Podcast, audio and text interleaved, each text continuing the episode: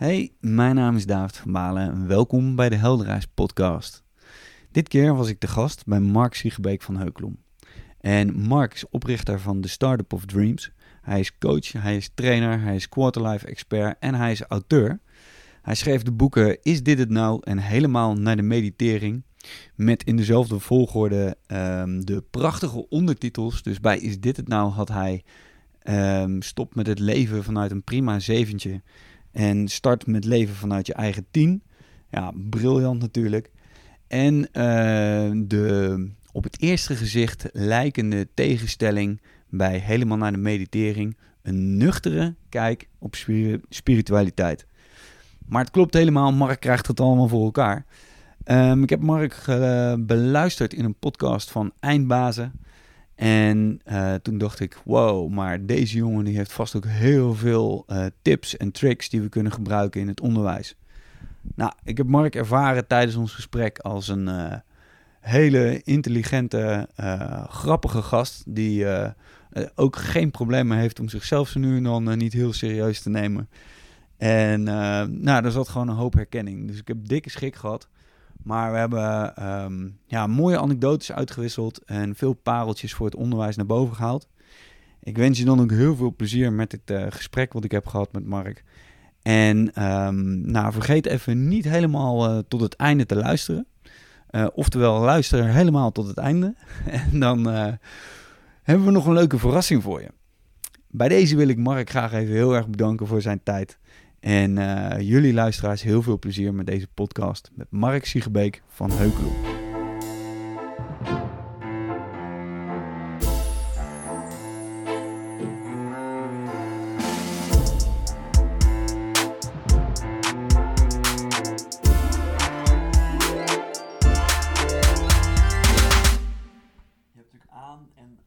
Ja, en nu neemt hij ook op. Nu, nu precies, nu neemt hij op. Uh, die van mij die slaat uit en die van jou? Hallo? Ja, die van jou slaat ook uit. Mooi. Oké. Okay. Nou, relaxed. Um, waarom checken we dit zo goed, David? Is dat omdat jij ooit een foutje hebt gemaakt? heb, je, heb je hier al over verteld in je, in je eigen show? Uh, ja. Oké. Okay. Ja, ik heb in uh, de tweede opname met, oh, uh, met Paul Smit. Met Paul heb ik gezegd van ja, het ging over falen. En nou ja, dat is dus gelukt, want we zitten hier voor de tweede keer. Ja. dus ja, ja, Nee, ik, uh, uh, geen schaamte op dat gebied. Nee, nee ik, ik, weet dat ik gewoon ook echt wel uh, soms dingen vergeet. En ik ben heel erg... Paul die had het over de vier dominante hormoonprofielen. Oké. En dat we daar eventueel onderwijs... is misschien ook wel leuk om nu eventjes mee te starten. Ja. dat we daar onderwijs wat meer op zouden moeten inrichten. En dan de dominant oestrogeen. Ja. dominant testosteron dominant uh, serotonine, de, de, boekenhouder, en uh, dominant uh, dopamine. Vindt alles leuk, is, duikt ook overal in, maar gaat dus ook regelmatig op zijn bek. Ja. En de serotonine is dan inderdaad de boekhouder. En testosteron is heel erg van de profilering en van bezig met vette doelen halen. En oestrogeen is meer de verbinding aangaan ja. en zorgen uh, nou ja, dat er uh, ergens een harmonie is. En, ja, uh, een, ja. een warme omgeving wordt gecreëerd. Ja. Herken jij jezelf al in een van die? ja, zeker. Um, oestrogeen. Sowieso. Dus ook al is het een vrouwelijk, primair vrouwelijk hormoon volgens mij. Maar dus voor mij is harmonie heel belangrijk. Ik ben ik ben de middelste, dus ik ben altijd heel veel bezig geweest met diplomatiek. Gaat het goed met iedereen? Ja. Uh, dus op die manier wel. En ik ben, ik ben vrij conflictmijdend. Uh, ja, conflictavers zelfs een beetje. En dat, dat is niet hoe ik wil zijn, maar dat is nou eenmaal zo. Dus ik zou wel beter willen worden in conflicten. Maar ik denk dat ik daar dus een wat te hoge oestrogeenspiegel voor heb. dus ik, nou ja, dus die herken ik wel. Um, en ja, testosteron uh, in die zin dat ik ook wel heel graag wil winnen. En um, de, de, profilering, weet je, die herken ik wel heel erg. Ik vind het wel... Mijn ego wil ook wel graag uh, de tofste van de klas en, uh, en zo. En ja. de slimste en al die dingen zijn. Um, dan hebben we nog, wat zijn nou? serotonine. serotonine. Want eh, dan zeg je de boekhouder. Dus ik, ik- Ja, ik- dus wat, de- wat doet serotonine ook weer? Is dat niet... Structuur, rust, oké. regelmaat. Oh ja. Ja, wat minder, denk ik. Ehm, en eh, dan noemde je nog... Dus testosteron hebben we gehad, dopamine. Ja. Ja, ik, ik wel. Dus waar ik dopamine... Hè, dus ook een beetje het verslavingshormoon volgens mij.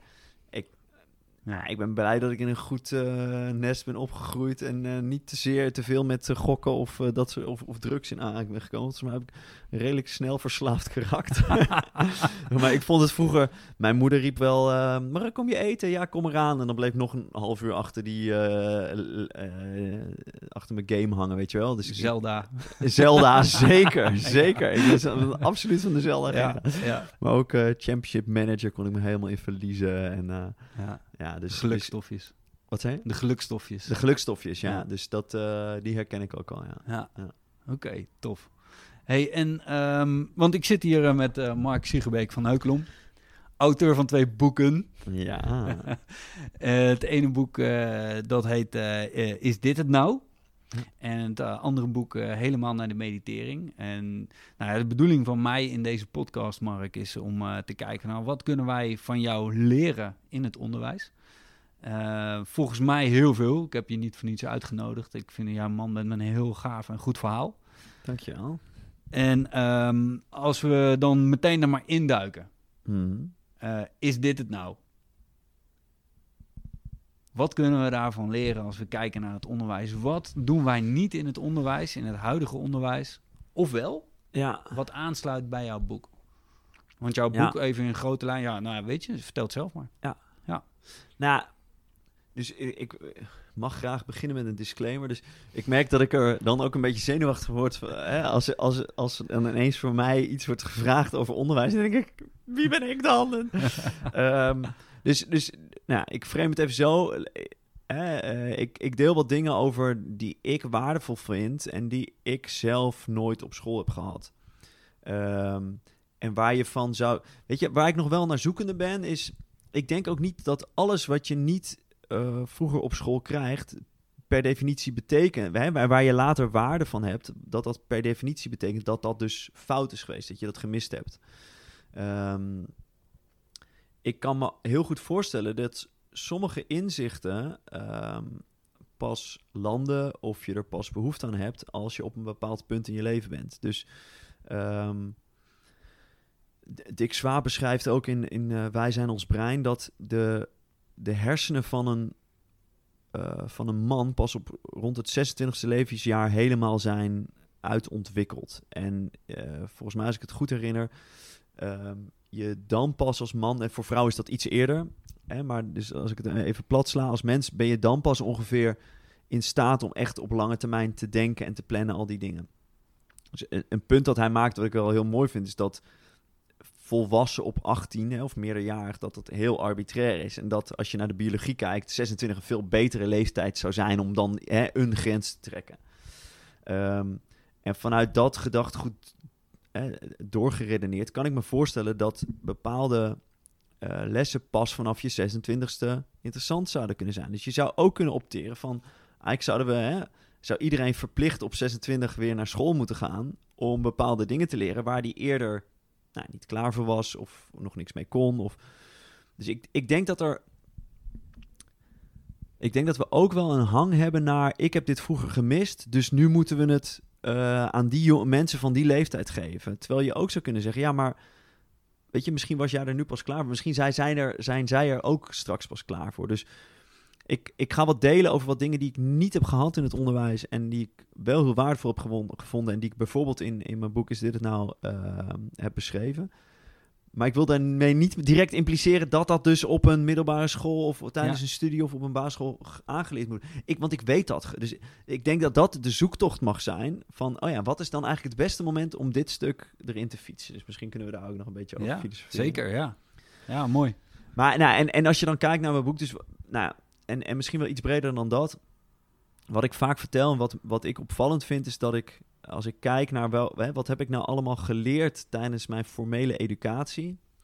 eh, dan heb ik bijvoorbeeld op de, eh, op de middelbare school geleerd wat de loef en de leizijde van de berg zijn. nooit wat mee gedaan, weet je wel? Echt, waarom? Nou, eh, we, hebben niet eens, we hebben niet eens fucking bergen in Nederland. Dus waar- waarom leer je dat? En, en misschien is het ook wel goed, maar het is gewoon zo'n triviaal feitje dat ik denk, ja, wa- waarom heb ik dat geleerd terwijl ik andere dingen niet heb geleerd? Nou, op de, in- tijdens mijn uni- universiteitsjaar heb ik, eh, ik heb vakken gehad als thermodynamica 2, eenfase reactoren. ehm, ja, echt. Oh ja, in één vak leerde ik over een meta-meta-methodologie. Dat ik dacht, En, en wat? een meta-meta-methodologie. dat ik dacht, wat wat de fuck ben ik aan het leren hier, weet je wel? En achteraf, het is allemaal best wel interessant en zo. Maar het is zo specialistisch dat, het, dat ik dan denk, ja, maar waarom leer je dan, als we dat leren, waarom bepaalde dingen niet? Nou, wat is dat? Dat is bijvoorbeeld, hoe maak je keuzes? Weet je, we, lopen allemaal tegen belangrijke keuzes aan ons leven. En hoe je dat dan doet, heb ik nooit les over gehad. Hoe ga je om met je emoties? Hoe, hoe kanaliseer je boosheid? Hoe ga je om met verdriet als man, als vrouw? Ehm, heb ik nooit wat over gehad. Eh, lijkt me een van... eh, emotionele intelligentie lijkt me een van de belangrijkste vakken die ze zouden mogen geven op school. Dat is er eentje waarvan ik al wel denk, ja, dat... En ook omdat onderzoeken er wel op wijzen ehm, dat hoe vroeger je dat leert, hoe beter. Ehm, dus daar voel ik er wel van, nou, dat zou er volgens mij wel in mogen zitten. Eh, dus keuze maken, omgaan met je emoties, luisteren. Dus we leren spreken.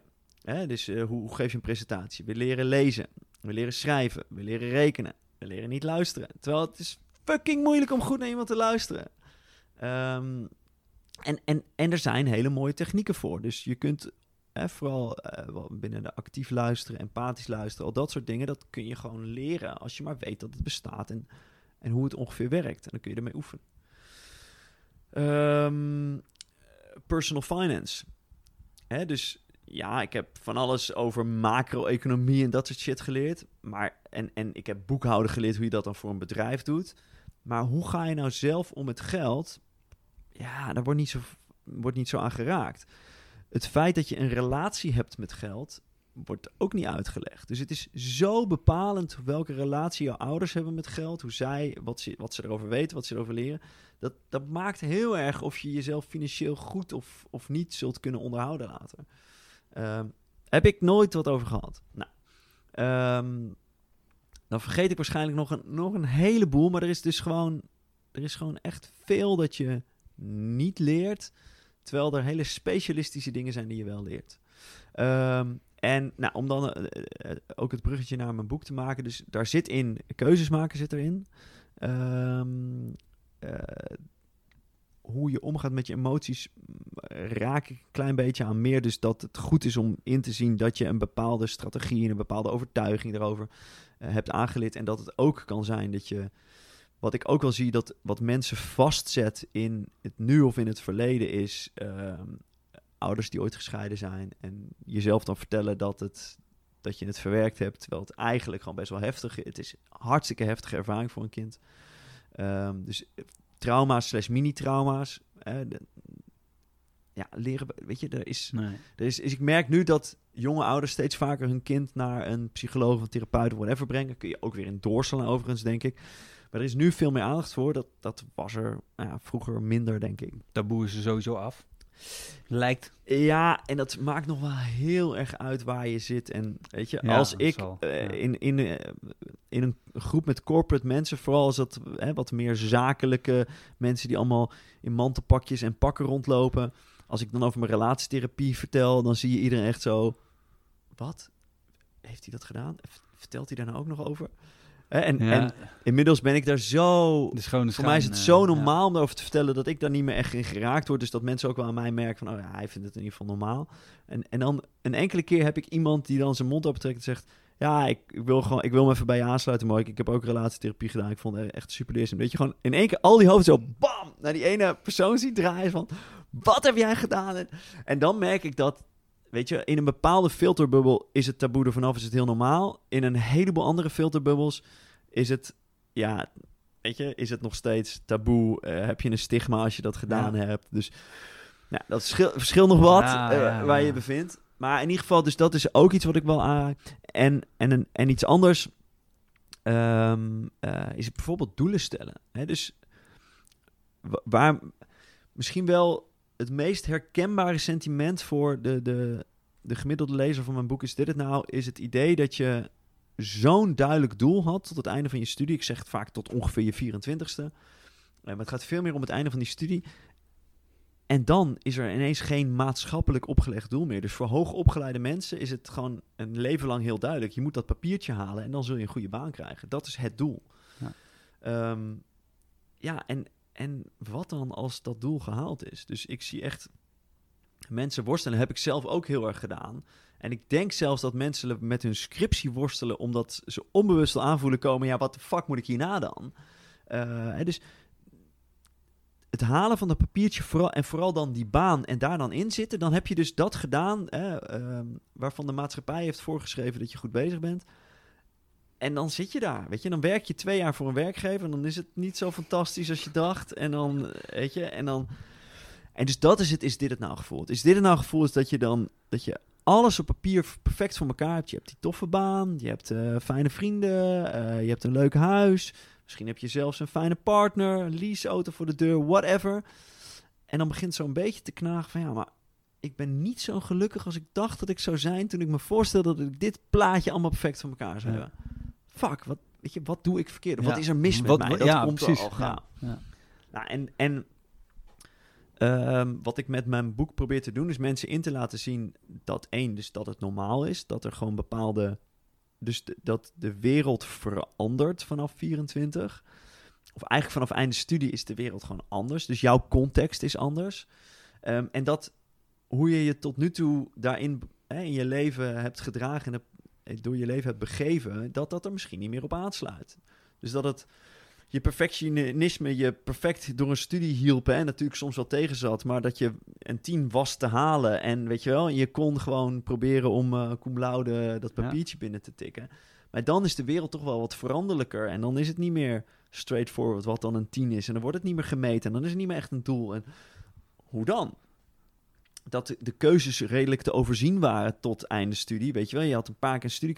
Maar dan ineens ligt eh, helemaal als je een wat bredere studie hebt gaan, dan ligt de wereld aan je voeten en weet je al niet eens meer wat je in je winkelmandje wil schuiven s'avonds. Laat staan wat je met je relatie aan wil of met je baan of of je nog naar het buitenland wil. Omdat alles kan, wil niet zeggen dat het leven er makkelijker van wordt. Nope, zeker um, dus dat soort, dat soort dingen is normaal en er zijn handvatten voor. Hè? Dus je kunt, uh, en wij hadden het in ons voorgesprekje kort wel even over, er zijn hele mooie methodes van doelen stellen.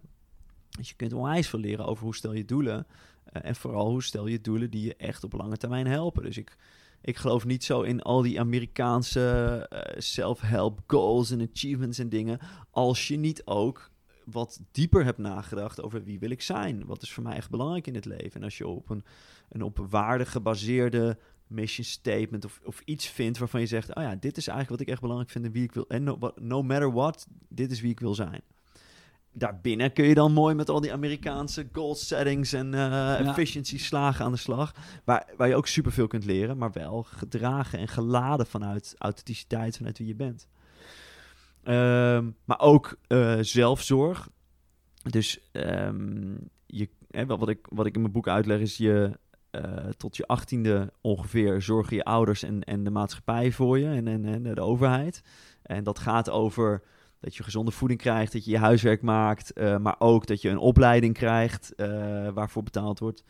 Nou, dan van je 18e tot je 24e ongeveer is het uh, de periode van wat ik roofbouw, roofbouw op je eigen lichaam noem. Dat is gewoon hè, kijken wat ik ja. aan kan en gaan en feest. En, ja. en daar wordt ook nog heel veel gewoon voor je geregeld. En, en nou ja, als je het niet wil regelen, dan laat je het verslonsen en dan kom je er ook mee weg. Maar dan ja, het is heel stom, maar echt al vanaf een jaar of 24, 25, 26 uh, begin je ook te merken dat wat je op 18 kon, weet je wel, tot 6 uur in de kroeg staan en dan om 9 uur weer uh, uh, in college zitten, dat dat toch wat lastiger is. En uh, oh ja, dat het, dat, dat na je studie is er niemand meer, behalve misschien een werkgever, maar dat zal die altijd voor zijn eigen gewin doen en niet voor jou, in de meeste gevallen. Hè, je helpt met je verdere educatie. En dus het paradigma is ook 25 jaar leren uh, en dan 40 jaar uh, productie draaien. Ja, Ja. dat is voor jezelf niet per se de beste aanpak. Dus een leven lang leren zou heel zinvol zijn. Daar is de maatschappij niet helemaal op ingericht. Dus ook daarin, hè, dus dat gaat over zelfzorg. en Dat gaat over voor je eigen energie, eh, waar je ook iets over zei. eh, hè, over je, voor je eigen energiehuishouding en je eigen vitaliteit gaan zorgen. Dat is veel belangrijker vanaf dat punt, vanaf is dit nou een moment eigenlijk, dan daarvoor. Want daarvoor kwam je ermee weg.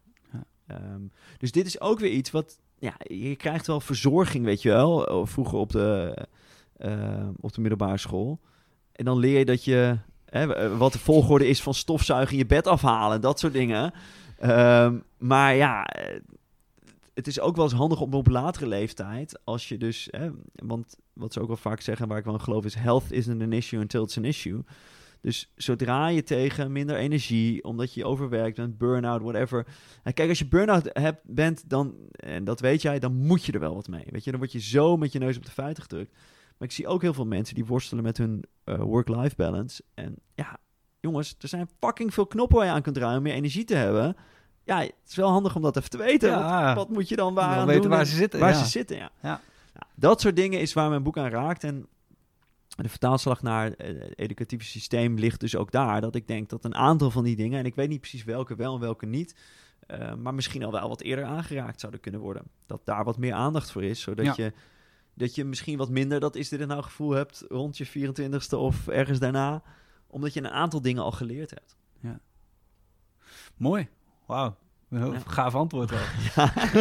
je, krijgt, je krijgt bij mij altijd vrij eh, uitgebreid en volledig Ja, heerlijk is dat. Ehm, even een aantal dingen, want eh, dit- er gaat dan heel veel door mijn hoofd. Ja. Je, je raakt echt behoorlijk wat onderwerpen aan. Hè? Eh, Hmm. Waar ik het zo graag nog even met je over wil hebben, Ja. is inderdaad het hebben van relaties bijvoorbeeld. Hè? Ja. Hoe, hoe doe je dat? Is, Ja. is dat iets wat we eh, zouden moeten ehm, eh, onderwijzen of misschien meer iets wat in een bijvoorbeeld vraaggestuurde module? Stel, eh, jij... Nou, ik weet niet hoe het met jou... Wanneer, was jij voor het eerst verliefd, bijvoorbeeld? Volgens mij al op heel jonge leeftijd. Dus ehm, mijn moeder heeft me later nog wel eens geplaagd met dat. Ze had in een boekje zo'n echt zo'n typische kinderuitspraak. Ik weet niet, misschien was ik wel echt zes of zo, hè? Wow. En maar toen, toen eh, zij heeft ergens opgeschreven dat ik had gezegd dat ik, ehm, dat was de zus van een, van een van een van mijn beste vriendjes op de basisschool. Ja. Daar was, daar- die vond ik dan heel interessant. En dat had ik gezegd dat ik later met haar wilde trouwen, zodat ik ook met haar kon vrijen of zo. Weet je wel, dat had ik... De. Oh, zoiets, zoiets schijnt uit mijn mond gerold te zijn. Dus ik vermoed dat ik al op heel jonge leeftijd bepaalde verliefdachtige gevoelens heb gehad voor, eh, eh, voor die zus van dat vriendje. Ehm, en waar ik echt verliefd was, dat was eh, groep 7, 8. Toen eh, ehm, eh, er een nieuw meisje bij ons in de klas kwam. Waar prompt, ze zag er ook hartstikke le- leuk uit. En ze was nieuw, weet je wel. Dus Ja. ieder- alle jongens waren verliefd op Ja. haar. En ehm, eh, Amber heette ze, ja. Dus de, he- de hele klas was op Amber verliefd. En, en ik ook. Ehm, maar voor mij was... En ik weet niet of dat uit, eh, vanuit mijn thuissituatie komt... of dat het met de, de wat bredere cultuur in, op de school te maken had. Maar verliefd zijn was dus voor mijn gevoel ook echt een taboe, weet je wel. Dat was spannend en daar kwam je niet voor uit. Ehm, maar dat hoeft niet zo te zijn. Dus ik heb, ik heb later van andere mensen ook gehoord... oh joh, bij ons was het... vertelde je dat gewoon als je verliefd was. En dan kon je ook verkering hebben op de basisschool en zo... en dat soort dingen. Ja, dit is iets wat ik ook wel gemist heb... Ik heb het ook wel eens tegen mijn vader gezegd van... Pap, waar was, je mij, was jij om mij te leren hoe je dan het hart vindt van een, van een verliefd meisje? Want wat ik thuis kreeg en wat ik ja, achteraf jammer vond... was dat toen het uitkwam dat ik op Amber verliefd was... toen werd ik ermee gepest. Dus in plaats van dat ik ermee geholpen werd... van hoe, weet je wel, hoe, hoe kanaliseer je dat verliefde gevoel... en hoe ga je ermee om als zij daar niks mee wil... maar hoe verken je of ze daar ook wat mee wil... Ehm, en wat ik thuis kreeg was... ehm, eh, ik kom thuis en eh, zo eh, Mark, je bent maar weer eh, amber op tijd thuis. Eh, amper op tijd thuis. Ha, ha, ha, ha. Leem, ja. Super leem en er werd dan om gelachen. En natuurlijk, weet je wel, je moet ook leren om, om tegen grapjes te kunnen met een stootje omgaan. Dus dat is helemaal oké. Maar ik had ook dat andere wel willen leren. Van, van Weet je wel, help me om deze gevoelens die door mijn lichaam gaan, Ja. om het te plaatsen, om het te begrijpen, om er om mee om te gaan. En hoe het bij mij is gelopen is dat ik anderhalf jaar verzwegen heb en dat zelfs als ik er ge- gevraagd werd, zei dat het niet zo was. Om, het, om, om vervolgens te zien dat Amber met twee jongens uit mijn klas wel verkering kreeg. For whatever it's worth, weet je wel. Dan mocht je schuivelen en handjes ja, maar ja, vasthouden. dat en- was, dat maar was dat het. was wel, Ja. weet je, dat was fucking vet toen. Precies. Dat had ik Jij best wel ook een Bada toch? eh, ja, ja, Ehm, om, om later, anderhalf jaar later, van mijn broertje te horen dat hij. ehm, eh, Amber ging naar de ene middelbare school, ik ging naar de andere middelbare school. En mijn broertje kwam haar tegen en die, die knoopte een gesprekje met haar aan. En dat zij te vroeg. Was Mark nou ook verliefd op mij eh, toen? Ah. En Thijs zo, eh, ja, ja, dat klopt ja. Oh ja, ik ook zo op hem. En, eh, Ah. en dat, hij vertelde dat mij. En ik zat echt, what the fuck? ja, iedereen was verliefd op jou, weet je wel. Nee. Waarom zei je niks? Want dan hadden we handjes kunnen vasthouden. ja, ja, ja, precies. Ehm, Ja, maar dat ik ook vooral mezelf voor mijn kop sla. Van waarom heb ik niks gezegd? ja. Want weet je, dus als ik het met mensen heb over spijt, dan vertel ik dit verhaal altijd. Omdat het gewoon, ja, ik vind het belangrijk is dat je kunt onderkennen dat je, dat je dingen liever anders had gedaan. Dat je spijt kunt hebben dat het oké is. Omdat je er lessen uit kunt trekken de volgende keer wat wel. Ja. Dus in mijn geval is dat, dat risico eh, durven nemen. Ehm, eh, maar dus echt, echt goed verliefd was, ik, was ik in zeven, eh, groep 7 en 8. Dus Ja. dan ben je ja, tien of zo, denk ik. Ja. ja. Wow. Ja, en, en wat je dan... ah, schiet bij mij ook in één keer komt er een verhaal naar boven, jongen. Eh, ik had dat ook, groep 8. eh, vlak voor de musical. Want Oh ja. eh, dan heb je de eindmusical. Ja. En ik, ik was al een, een jaar heimelijk verliefd op een meisje.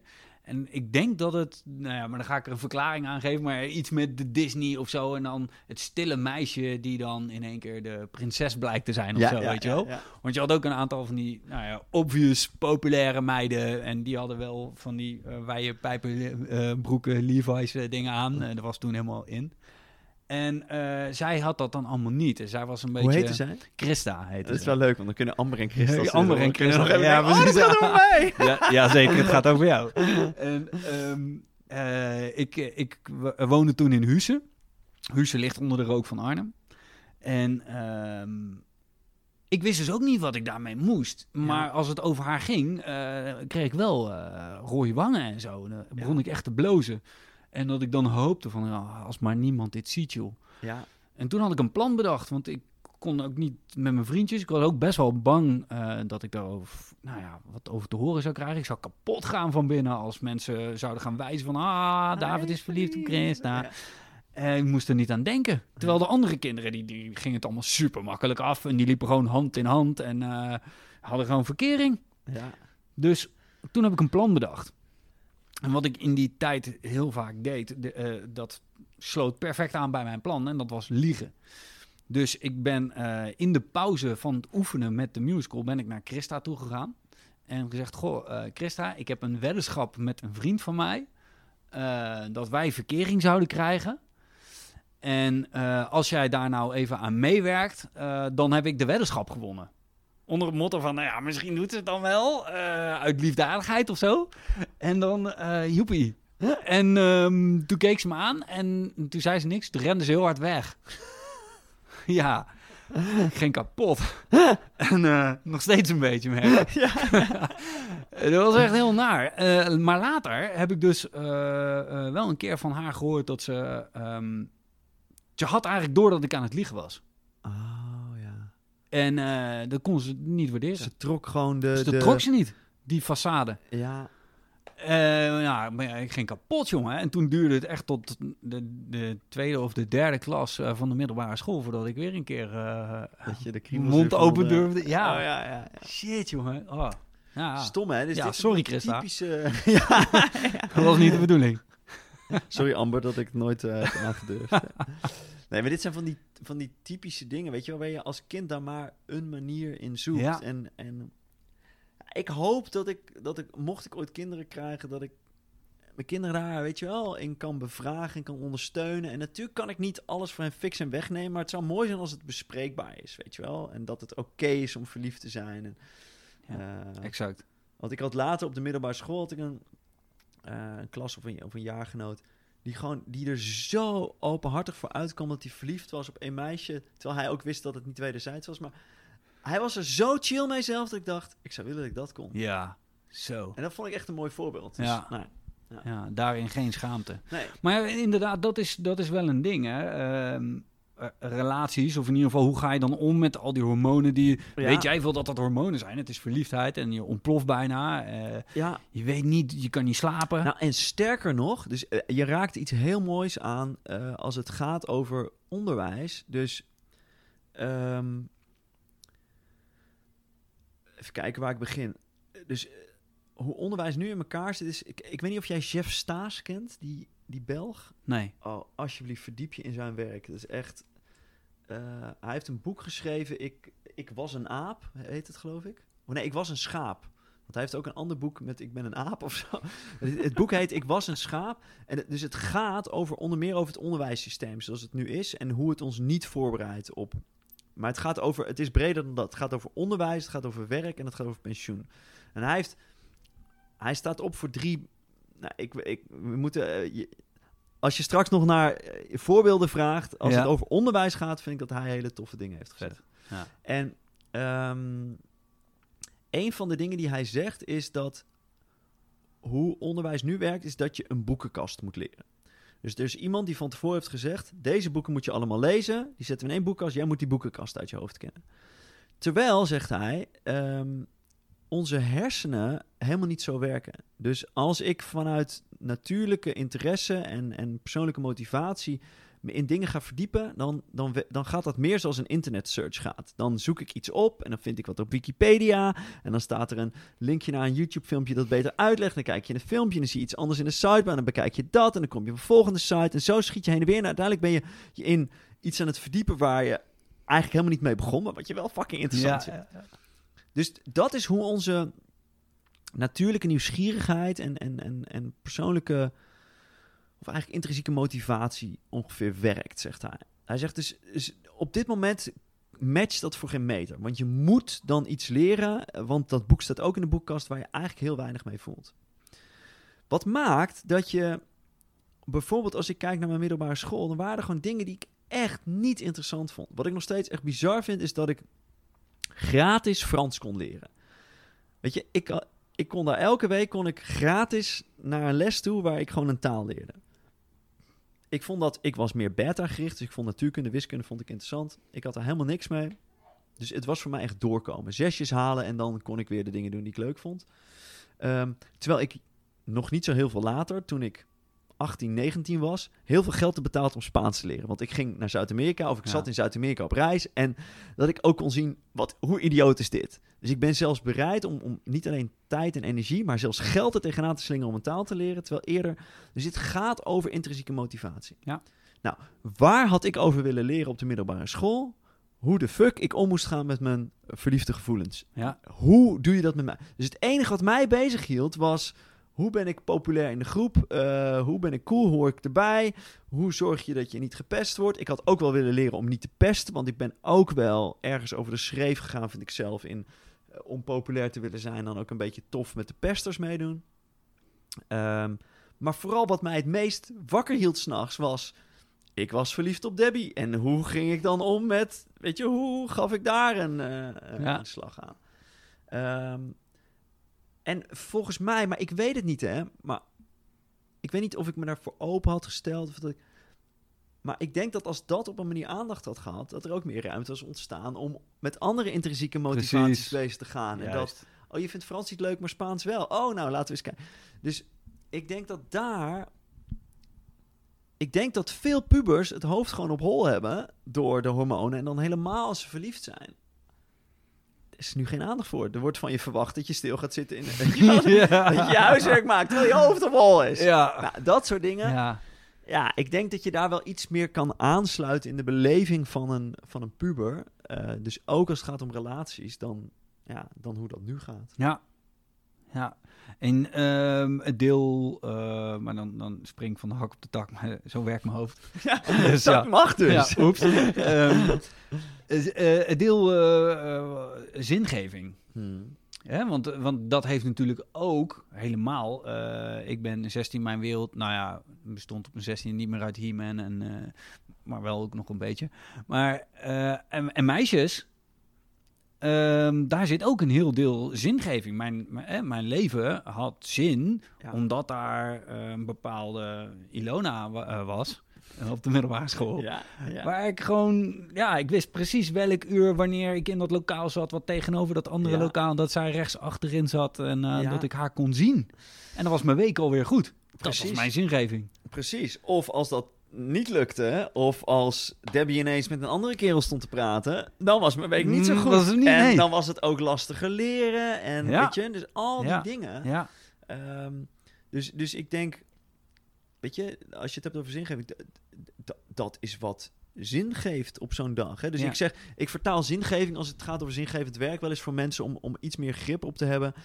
Dat je dus 's ochtends zin hebt om naar je werk te gaan en dat je aan het eind van de dag terugkijkt en denkt, hé, hey, het heeft zin gehad. mooi. Dat ja. vind ik een beetje de twee dingen die in zingeving eh, samenkomen. Dus ja, wat is zingevend voor, weet je wel, voor een puber op de middelbare school? Dat je 's ochtends uitkijkt en denkt, oh, ik mag Debbie weer zien. Ja, ja, en dat je of ik mag Ilona weer zien. Ja. En dat je s'avonds thuis komt en denkt, yes, ik heb een goed gesprek gehad. Of, Precies. eh, ik heb Ja. indruk gemaakt. Ja, ik zag het op de trap ja, ook nog. Het heeft zin gehad vandaag. ja. Ja, Ja. dus... Ja, weet je, en, en ik denk dat het ook goed is dat er aandacht is voor niet alleen maar daarmee bezig zijn en verzwelgen. En, en dat je dus onderweg, ja, leuk al die hormonen en dat je verliefd bent, maar zorg nou goed voor je toekomst en leer wat. Ik denk dat dat stuk heel zinvol is. Nou, en wat aandacht voor de belevingswereld van, ja, Ja, hoe, hoe iemand is als die ergens eh, educatie ontvangt. ja, ja, precies. En daar, want je, je noemde net eh, eh, chef. Ja, chef Ja? Staes. Ja, ja. chef Staes. En die had het inderdaad over die, die boekenkast. Ja. En, en ik begrijp ook wel eh, waar dat vandaan komt. Hè? Dat idee, dat concept. Ehm, maar hoe kan het zijn dat we daar zo lang in blijven hangen? Want we zien toch, ook uit, we hebben het er nu over, hè? onze Ambers, Ilona's, eh, ja. die, die komen ook, de Debbies, die komen voorbij. Ja, nou ja, kijk, ik weet het niet, maar hoe ik denk dat het werkt is dus... We zijn, eh, volgens mij is educatie ontstaan rondom de industriële revolutie. Eh, hè? Omdat we dan mensen gingen uitleggen hoe ze zich moesten gedragen in die fabriek. Dus Exact. op het hele industriële paradigma is educatie gebouwd. Nou, als je kijkt naar ehm, waarom we 24 uur in een dag hebben, is dat omdat er ooit iemand ehm, eh, een, een telsysteem heeft bedacht dat op 12 gebaseerd was. Waarom is iets, hè, waarom kun je 360 graden in het rond kijken? Om hetzelfde idee van 12. Ja. Ehm, dus dat wil niet zeggen dat dat nu nog het beste idee is. Dat is gewoon, dat is ooit ergens bedacht en dat is gewoon zijn eigen weg gegaan. Ehm, de afstand tussen twee wielen op een, eh, op een spoor van een trein heeft te maken, volgens mij, als ik het me goed herinner, met de afstand van wagens in het oude Rome, hoe ver die wielen uit elkaar stonden. Want dat trok karrensporen en op Karrensporen, ja. is uiteindelijk de, de... Dus wij rijden nog steeds nu in treinen die een bepaalde afstand hebben, die gebaseerd zijn op praktijken uit het oude Rome. Weet je, ja, waarom doen we het nog steeds? Gewoon omdat we er ooit mee begonnen zijn. Dus waarom is het educatieve systeem nog steeds zo geënt op industriële revolutie? Omdat het toen begonnen is. Dus we hebben het nooit op her- heruitgevonden, denk ik. Nou, Ja. en, en dat doet tekort aan alle ehm, eh, educatie-innovators. En dus er, er gebeurt natuurlijk hartstikke veel al wel. Ehm, maar ik denk dat een aantal basale dingen gewoon... Ja, heel flauw. Waarom doe je het zo? Omdat we het altijd zo deden. En dat Ja. is het kutste argument dat er Ja. bestaat. Maar ik denk dat het wel, dat het wel opgaat. Ja, precies. En Eh, ehm, ja. mag ik nog iets over Chef zeker. zeggen? Ja, Dus misschien ook, hij heeft een fucking mooie, eh, het is geen eens een TED-talk, maar gewoon een, een, een praatje over dat boek Ik was een schaap. Misschien leuk om in de, in de links te zetten, dat we die even delen, dat mensen het kunnen kijken. Ehm, en wat hij doet op het einde van de video is dat hij zegt, ik, ik protesteer of ik demonstreer tegen drie dingen. En dan heeft hij drie ehm, eh, ja, van die protestborden heeft hij gemaakt en die houdt hij dan omhoog.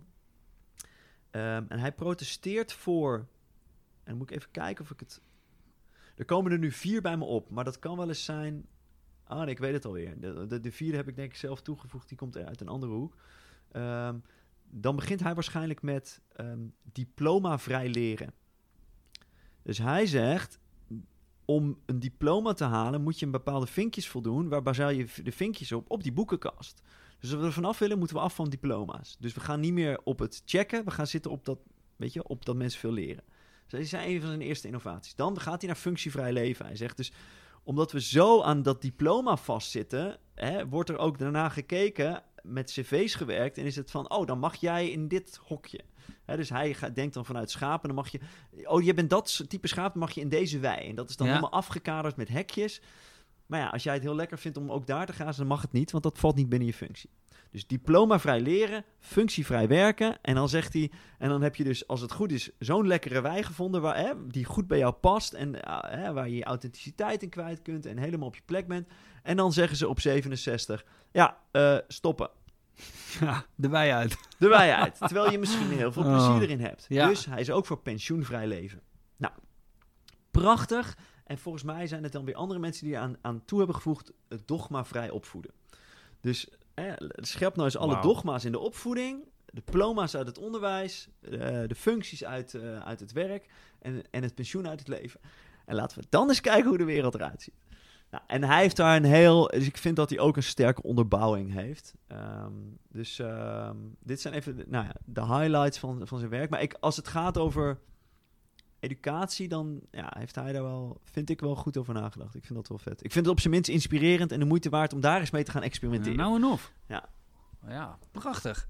De, ik, ik ken hem helemaal niet, maar ik ga het zeker even opzoeken ook. Eh, Ja. Helemaal naar aanleiding van dit verhaal. En hij is ook grappig. Dus het is, Dat is, dat is altijd fijn, weet je. Want Ja. iemand, hè, ik, had het al met jou over eh, Remco Klaassen. Ja, Ehm, hè, dat is ook een van mijn idolen, omdat hij en onwijs veel wijsheid heeft en super grappig is. En ja, dat vind ik heerlijk. Dus, Ja, en dat heeft. Chestase ook. Dus eh, ja, het is een... eh, wauw man. Ehm, dan, dan eh, jij hebt een online training over keuzes maken, hè? klopt, online course. Want dat is eigenlijk de volgende stap. Je noemde hem eh, er straks ook al. Hè? We hebben even eh, zingeving en, en eh, relaties. Hoe ga je nou om met, je, eigenlijk met jezelf? Hè? Met wat er in jou speelt. in verhouding tot andere mensen. Ja. Keuzes maken. Wow, man. Dat is ook een grote, hé? Ja, I know. Maar, vertel. Neem Ja. me even mee. Ja, ehm, het grappige is dat... ehm, ehm, weet je, ik denk dat als je van nature goed bent in keuzes maken, dat je dat, je dat, je daar niet een boek over zou kunnen schrijven en een course over zou kunnen ontwikkelen. Want je doet het gewoon. Ik ben gewoon on- onwijze twijfelkont. Ik vind keuzes maken super lastig. Ehm, dus ik, het is ook wel grappig toen mijn boek, toen mijn boek uit was. En, en volgens mij was het een bestuursgenootje van mij uit mijn, uit mijn studietijd. Erachter kwam dat het ook over keuzes maken ging. Of, of toen ik een keer een blog schreef over keuzes maken. Dat ik ook wel terugkreeg. Echt? Jij? Ben jij nu degene die. Weet je wel? Als Ja. iemand keuzes maken moeilijk vindt, ben jij het. Ja. En dan ga jij daar wat over zeggen en over schrijven. Ja, juist. Juist, omdat ja. ik het zo lastig vind van nature, dat het mij heeft geholpen om handvatten te vinden. Dus ehm, ik heb echt een aantal dingen geleerd die het voor mij makkelijker maken om keuzes te maken. Of minder last te hebben van een keuze die ik nog niet gemaakt heb. Of, dus er, is, er zijn zoveel handvatten in, in gewoon simpele tools. Maar vaak is het ook inzicht over hoe je ernaar kunt kijken. Ehm, eh, en ik raak dat in mijn boek aan. Maar ja, weet je, met het schrijven van een boek heb je ook te maken met de redacteur en, met een uitgever. En dan mag het maar zo uitgebreid. Dus weet je, ik geef één of twee of drie tips en tricks over keuzes maken. Maar de echte diepte, die is er nog niet aangeraakt. En ik merk dat als ik mensen één op één, of ik merkte, en dat nog steeds wel, als ik mensen één op één coach of ik, als ik in een training wat meer tijd voor heb, dat je nog wat persoonlijker kunt uitzoeken voor iemand. Hoe maak je dan nu keuzes en hoe zou je het willen? Een van de dingen die ik bijvoorbeeld eh, in mensen in die, keuze, die online keuzecourse laat doen, is ik, ik laat hen eerst onderzoeken hoe maak je nu keuzes. Dan geef ik hen een heleboel inzichten, handvatten, tools. Hoe, weet weet je, hoe het ook kan. Nou, dat geeft vaak mensen al heel veel houvast. En dan laat ik, dan laat ik ze hun eigen keuzekompas maken. Dus stel nou eens voor jezelf op hoe je vanaf nu keuzes wil maken. Dus het is een beetje hetzelfde als komen tot een mission statement. Ja. Dat geeft gewoon zoveel houvast. Dan weet je bij elke keuze die er aankomt, dat je kunt kijken... oh ja, van nature zou ik hierin verzanden, in heel lang over nadenken, over twijfelen, eh, vooral heel rationeel, lijstjes maken. Wat wil ik eigenlijk? Oh ik wil meer op gevoel kiezen, ik wil wat sneller een besluit nemen en dan eventueel een fout maken, maar, maar ervan leren. Al die dingen waar we nature, van nature ver, ver bij weg kunnen blijven, die heb je dan voor jezelf alvast opgeschreven. En dat is heel persoonlijk. Dus de ene zegt... ehm, Juist, ja, ik doe het altijd al vanuit gevoel. Dus ik wil de volgende keer ook wat beter erover nadenken en juist een lijstje maken. Dus afhankelijk waarvan je, waar je van vandaan komt en wat je al gewend bent. ehm, en vooral door er even over na te denken en bewust van te worden, hoe wil ik het eigenlijk? ehm, ja, loop je die koers uit met, een, met iets weet je, waar je mee verder kunt. Nou, dus ik, dit is wat ik altijd probeer te doen als ik, als ik onderwijs, als ik mensen ergens in meeneem. Veel zelfonderzoek, veel er echt erachter komen hoe werkt het nu. Ja. Maar ook voor mij is het heel belangrijk dat het daar niet bij blijft. Dat het pragmatisch wordt, dat je handvat hebt, dat je gewoon tools hebt om verder te komen. Eh, en er zitten ook wat oefeningen in die gewoon wat dieper gaan. Dus ik heb echt met video's en met audio's dat ik je gewoon bepaalde oefeningen laat doen. Waar je ook op een introspectieve, introspectieve manier gewoon dingen onderzoekt. En, en soms weet je ook pas wat je wil door je al even in die situatie te verplaatsen. Dus ik werk met dilemma-lijnen waar je gewoon over... Hè, dus je, je neemt de keuze nu wel om die baan te nemen. Nou, loop maar eens, zet maar eens eh, een stap voor hoe het over een week is. Zet maar eens een stap voor hoe het over een maand is. Zet maar een stap voor hoe het over een jaar, over tien jaar... aan het eind van je, van je carrière, aan het eind van je leven. Eh, en dan, hè, dus bij de een als je hem wel neemt... en bij de ander als je die keuze niet neemt. Ja, dat is zo mooi als ik in coaching dat met mensen doe wat er dan gebeurt. Nou, nou, nou, dat, kan ook op afstand als je met mijn audiohulp jezelf erin begeleidt. Ehm, dat geeft vaak heel veel inzichten. Ja. En dat zijn van die dingen die we niet geleerd hebben Nee. en die in mijn ogen super belangrijk zijn.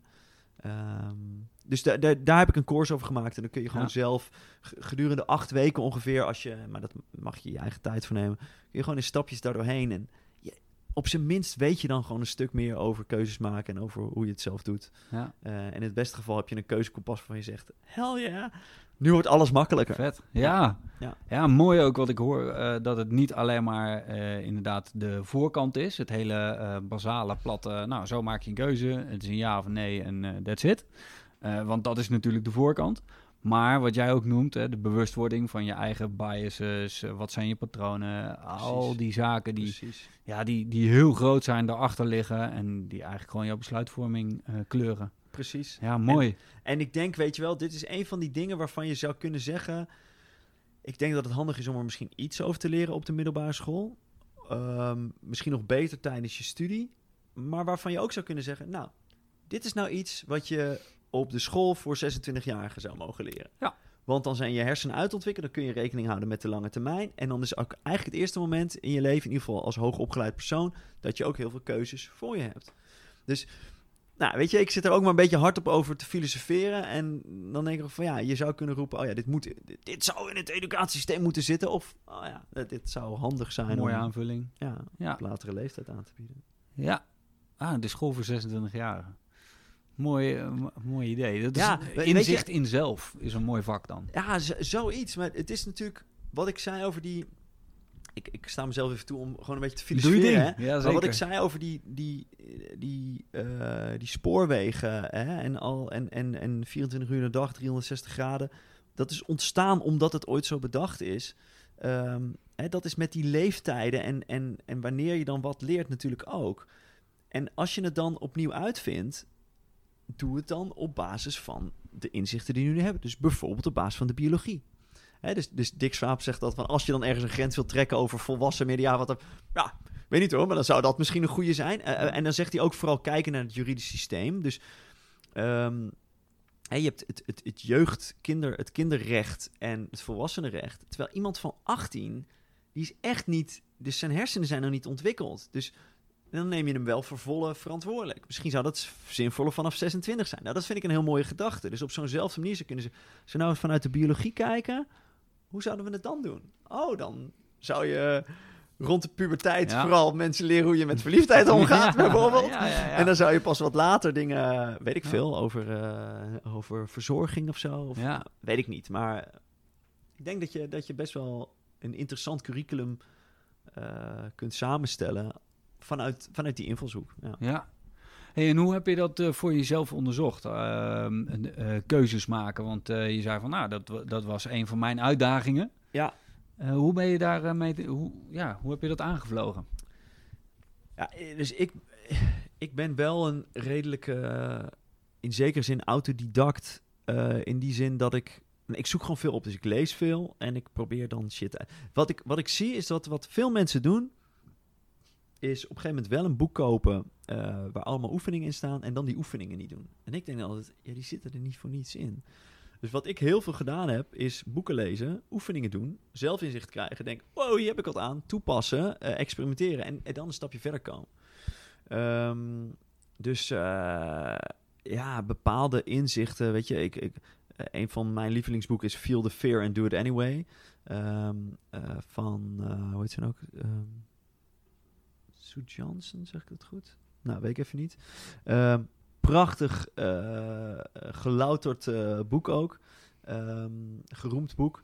Ja, daar leerde ik iets over keuzes maken. Wat voor mij echt eh, ja, gewoon heel veel op zijn kop zette. Nou, ik las een keer wat van ehm, eh, Rob Wijnberg, oprichter van de correspondent, over keuzestress. Dat ik dacht, ah, super interessant.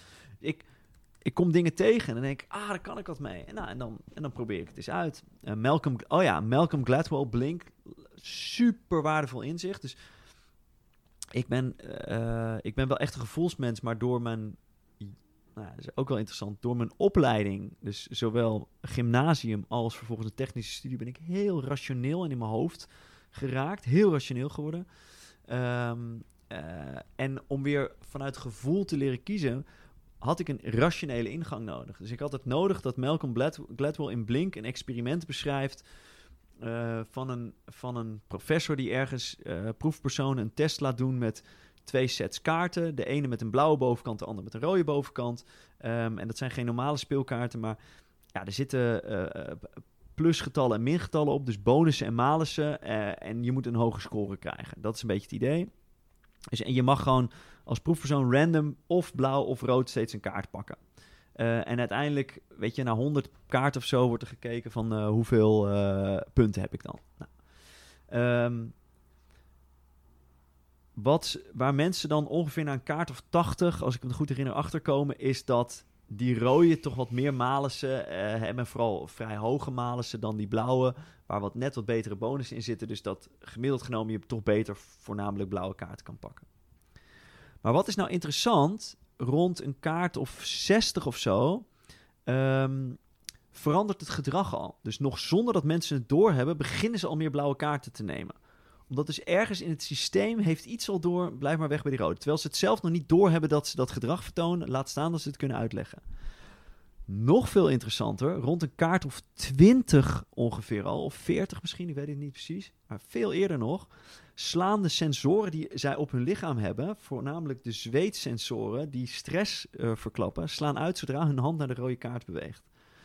Dus vanaf een kaart of 20 weet het, lichaam al, niet doen, niet doen, niet doen.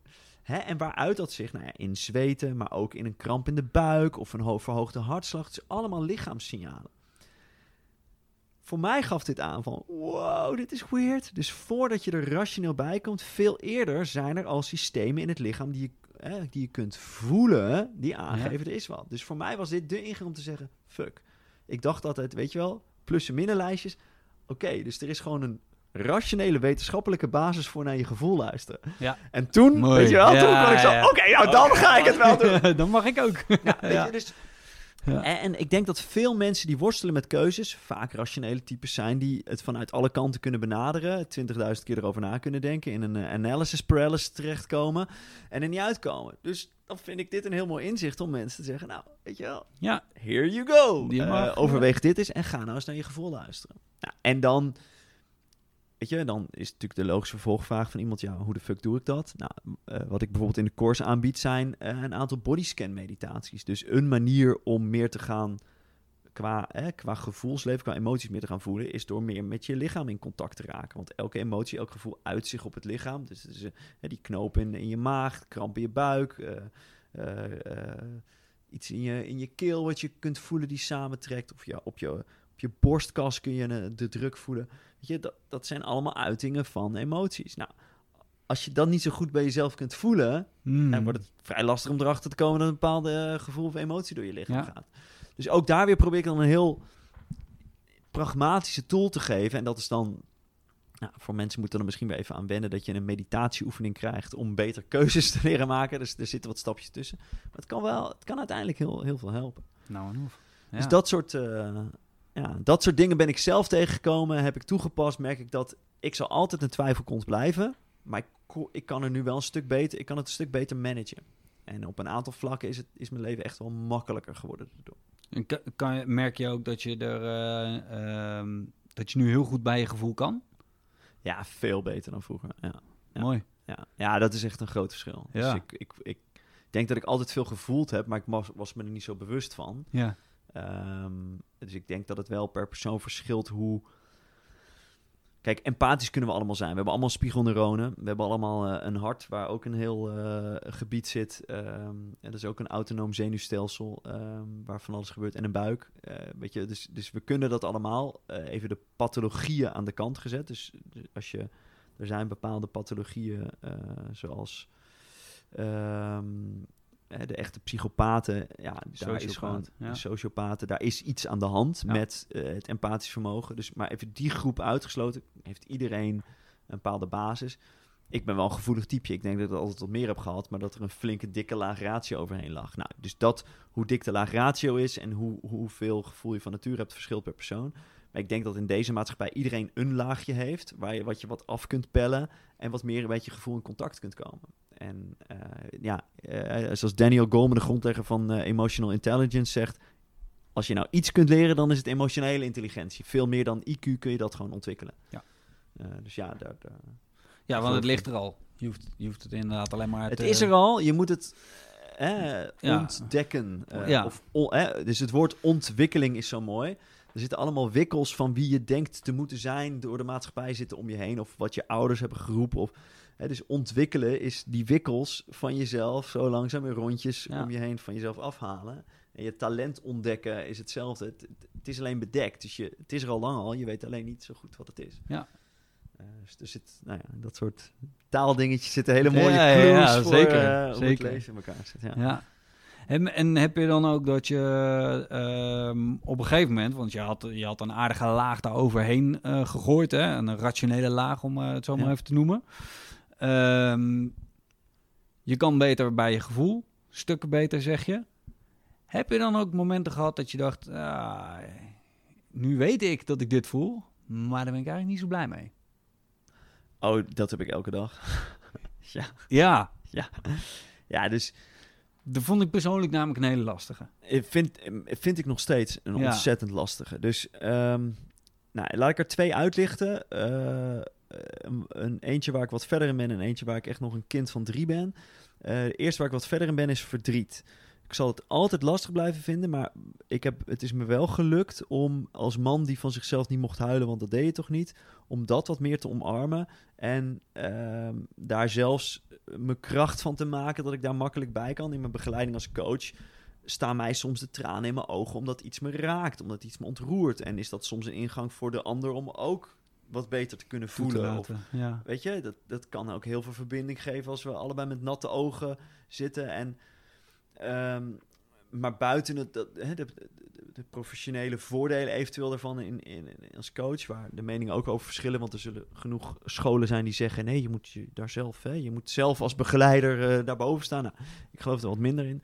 Maar voor, voor mij persoonlijk, ehm, ja, het, het is heerlijk dat als ik, weet je, om de meest corny dingen, een of ander filmpje dat ik inspirerend vind van YouTube, en dan zo langzaam beginnen te tranen over Ja, mijn ja, ja. Ja, ja, het is heel, heel leem, maar ja, het raakt me gewoon, weet je. Ja, dat is toch mooi als dat kan. Ja, Dus daar heb ik wel echt wel stappen in gezet door gewoon mezelf meer toe te staan om, om te huilen en eh, verdriet te voelen. En ik zal dat altijd lastig vinden. Want ja, ja dat, er, er is gewoon een, een, een primair... Ik denk überhaupt gevoel dat er altijd een primaire driver in mij zal zitten. Dit mag ik niet voelen. Eh, en dat komt, eh, denk ik, ook gewoon door mijn opvoeding. Eh, dus ik heb super lieve, warme ouders. Echt onwijs veel mazzel met hen. En ze hebben allebei op hun eigen manier iets dat ze... Ik denk dat ik ergens onbewust heb meegekregen van voel het maar niet. Weet je wel? Ehm, nou ja. Eh, dus da- daar zit wat. Eh, dus dat zal er altijd blijven. Waar ik nu heel veel mee worstel, waar ik echt een kind van drie ben, is boosheid. Ehm, en dan vooral... eh, Dus ik, ik vind het zelf denk ik lastig om grenzen aan te geven. Ehm, en dat is waar boosheid over gaat. Dat is gewoon simpel het aangeven van een grens. Dat iemand er overheen is gegaan. Dus als je het daarvoor weet aan te geven, hoef je ook niet boos te worden. Dan kan het bij lichte irritatie of frustratie blijven, zoiets. Maar ook de boosheid van een ander. Eh, weet je, hoe ga je... Of de frustratie. Dus, dus ehm, ja, dit is wel echt waar ik... eh, Een van mijn one-year goals voor het komende jaar is om me hier weer eens stappen in te zetten. Om Ja. te kijken, kan ik mijn eigen boosheid meer leren omarmen? Misschien dat, en dat is dat ik heb leren huilen, dat ik ook mag leren boos zijn. Eh, Ja? om het vervolgens ook van een ander beter te kunnen hebben. Dus ik, maar, maar als ik nu, weet ik veel, eh, als mijn vriendin eh, gefrustreerd uit de werk komt, dan is mijn primaire reactie: ik wil dit niet. Ik wil dat het gewoon leuk is. Ik wil niet, ik wil niet ook frustratie voelen. Weet je wel, terwijl ja, het hoort erbij. Soms kom je gefrustreerd uit je werk. Maar dan heb ik dus een primaire driver op. Nee, weet je wel, dus de, de, de oestrogeen in mij zeggen: Ja. harmonie, laten we het gezellig houden. Ja, ja, zeker. Ja. En, en ik, dus de, de strategieën die ik erop heb toegepast in mijn leven, zijn fixen. Dus als je gefrustreerd bent, dan fix je het. Dus nou, het is verlaten of fixen. Dus of ik ga ergens weg. Er is een reden dat ik voor mezelf werk. Omdat ik frustratie met mensen samenwerken die ik allemaal incapabel vind, was ik wel klaar mee. Dus ergens is het heel hè, heldhaftig dat je voor jezelf bent cool. Ik kan nu ook wel inzien dat het ergens ook een vlucht is geweest uit... eh, ik vind het maar lastig met mensen samenwerken. Dus verlaten of fixen. Dus het gewoon oplossen. Nou, hoe gaan we het, eh, weet je wel, wat kunnen we doen zodat je niet meer gefrustreerd bent? Ja. Dat is hoe ik het voor mezelf doe. Maar dat kan niet altijd. Dus wat ik nu aan het leren ben, wat ik super lastig vind, is om het te verduren. Oh ja, iemand is gefrustreerd. Of ik ben gefrustreerd. Oh ja, laat het er maar even zijn. ja. En dan, en dan ken ik, ik heb een boek over meditatie en het hele spirituele gedachtegoed geschreven. Van je hebt, weet je wel, ehm, niemand kan jou een bepaald gevoel geven. Dat is allemaal van jezelf. Neem er zelf verantwoordelijkheid voor. En je hebt nooit last van de emotie zelf, alleen het van het verzet ertegen. Ik denk dat het allemaal waar is. Maar als ik een gefrustreerde vriendin heb en ik dat op dat moment niet wil voelen, dan zit ik, weet je wel, helemaal daarin. Of als ik zelf gefrustreerd ben ergens om, dan zit ik daar helemaal in. En dan kan ik het allemaal, al mijn spirituele lessen niet meer zien. En dan is het alleen maar. Ik, en dan voel ik me echt een kind van drie dat ja, niet met zichzelf weet wat hij aan moet. Ja. Ehm, dus ik herken, hè, om je vraag te beantwoorden, absoluut dat je dan dingen voelt, maar dat je dat niet wil. En, nou ja, Ja, ja, verzet. Ja. Ja. Ja. Ja, ja een mooi, heel mooi eh, en herkenbaar voorbeeld. Ehm, maar ook op het gebied van, eh, van keuzes maken. Hè, dus dat je eh, bijvoorbeeld, ehm, je kan nu op een dusdanig goed bij je gevoel, dat je jezelf de vraag stelt, oké, ga ik dit wel of ga ik dit niet doen? Of misschien anders gesteld, eh, hoe voel ik me hierbij? Vind ik dit, voel ik me hier oké bij of niet oké? En je gaat even zitten voelen en je komt tot de conclusie, kut, ik moet mensen teleurstellen. Ik moet eh, dit gaan, ik moet, ik moet iemand, eh, dat is, nou ja, dat zal voor jou waarschijnlijk ook zo werken. Iemand waar je veel om geeft, teleurstellen bijvoorbeeld. Dat is een van de zwaarste, Ja. de moeilijkste. Ja. Ehm, hoe dichter je bij je gevoel komt, hoe vaker je ook inderdaad niet meer eh risicoavers gaat reageren, maar wel echt, oké, het gesprek aan, Ja. de pijn in. Ja, ja super lastig. Ja, Echt super lastig. Dus helemaal voor, nou, als ik eh, jou zo net eh, zie reageren, mee zie knikken, voor mensen die op harmonie gericht zijn. Ja, dat vind ik. Weet je, dus ik vind het al lastig. Ik krijg soms best wel veel verzoekjes van mensen of ze, eh, weet je, even koffie willen drinken omdat ze het interessant vinden waar ik mee bezig ben. En ja, soms kan slash wil ik dat niet allemaal aangaan. Dus dan is het soms ook, weet je wel, gewoon de vraag van ja, ehm, what's in it for me? Het is leuk dat jij hè, je wil laven aan eh, mijn ervaring en inspiratie. En, en tof dat je, weet je, cool, leuk dat je reach out, waardeer ik. Maar als ik op alle verzoekjes inga, dan ben ik een week lang aan het koffie drinken. En, eh, ehm, dus dat ik, dat ik ook wel soms gewoon aangeef, ja, eh, bedankt, maar nu even niet. Ik vind dat heel lastig. Weet je wel, dan kom ik in, eh, ben ik een eikel en eh, wat doe ik nou verwaand? En, weet je, en dat zijn dan nog de mensen die ik niet eens ken, Ja, bijvoorbeeld. Nou ja, zodra het dichterbij komt, ja, heel lastig. Heel lastig. Ja, ja. Heel herkenbaar. Ja, Ja. ja mooi. Ja. Ja, maar dat is, dat is natuurlijk ook een prachtige leerschool. Hè? Ehm, nou, de- natuurlijk betrek ik het op mezelf.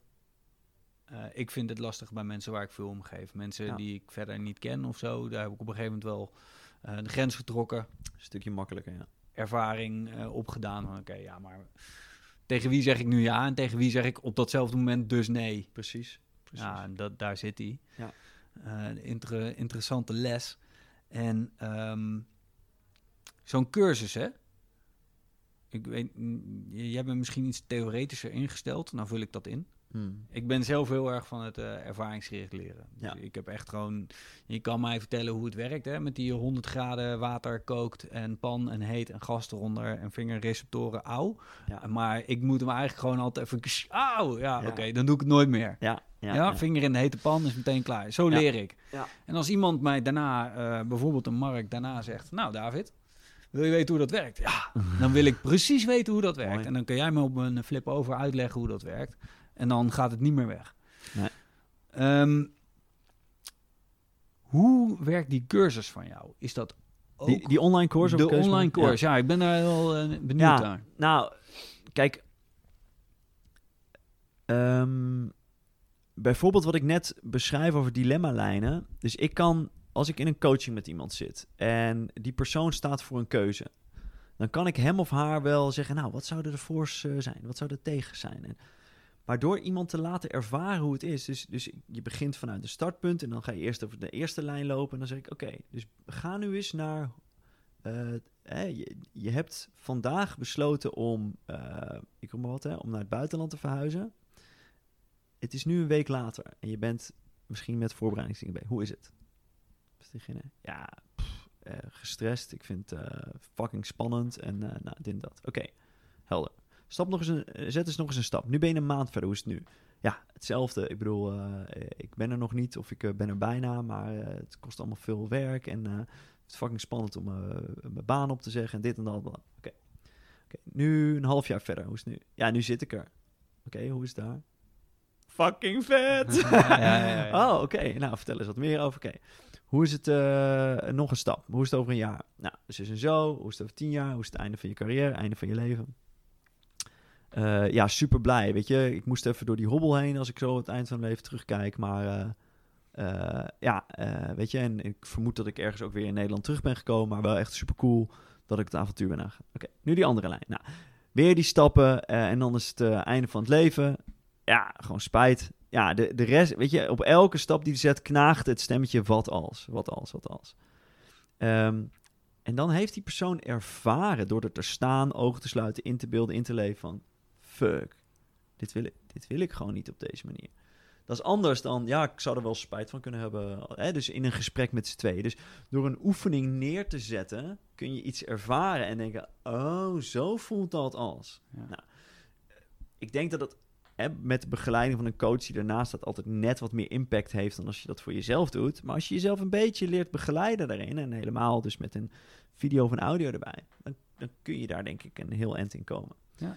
Dus ik ben zeker van, ik ben zelf inderdaad wat theoretischer dan jij. Dus het is ook niet voor niets dat jij ALO hebt gedaan en ik, eh, weet je wel, technische bedrijfskunde en eh, lekker rekensommetjes en prachtig. Eh, dat zijn denk ik onze primaire eh, leerstijlen. Eh, maar ik heb wel geleerd om als ik een, als ik een training geef, dus een een, eh, face-to-face training of in de coaching, of om, om het. Dus in het, wat ik in de training het liefst doe, is ervaring. Eh, dus door oefeningen te doen, te combineren met theorie. Dus mensen die het waarom willen weten, hoe zit het, eh, wat ik ook leuk vind uit te leggen en Mm. dat te bevreden.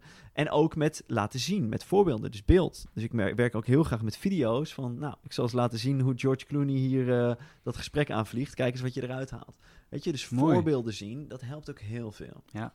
Ehm, Dus ja, dat is absoluut een belangrijk onderdeel, ervaringsgericht. En dat kan maar tot op bepaalde hoogte in een online course. Maar ja, daarom betaal je ook maar 150 euro voor een online course... waar hè, coaching al voor een uurtje al gauw 150 euro kost. Precies, dus ja. nou, eh, dat is- het verschil. Ja, Ehm, maar ja, dat is dus, hè, dat, eh, wat wil je, wat is je budget? eh.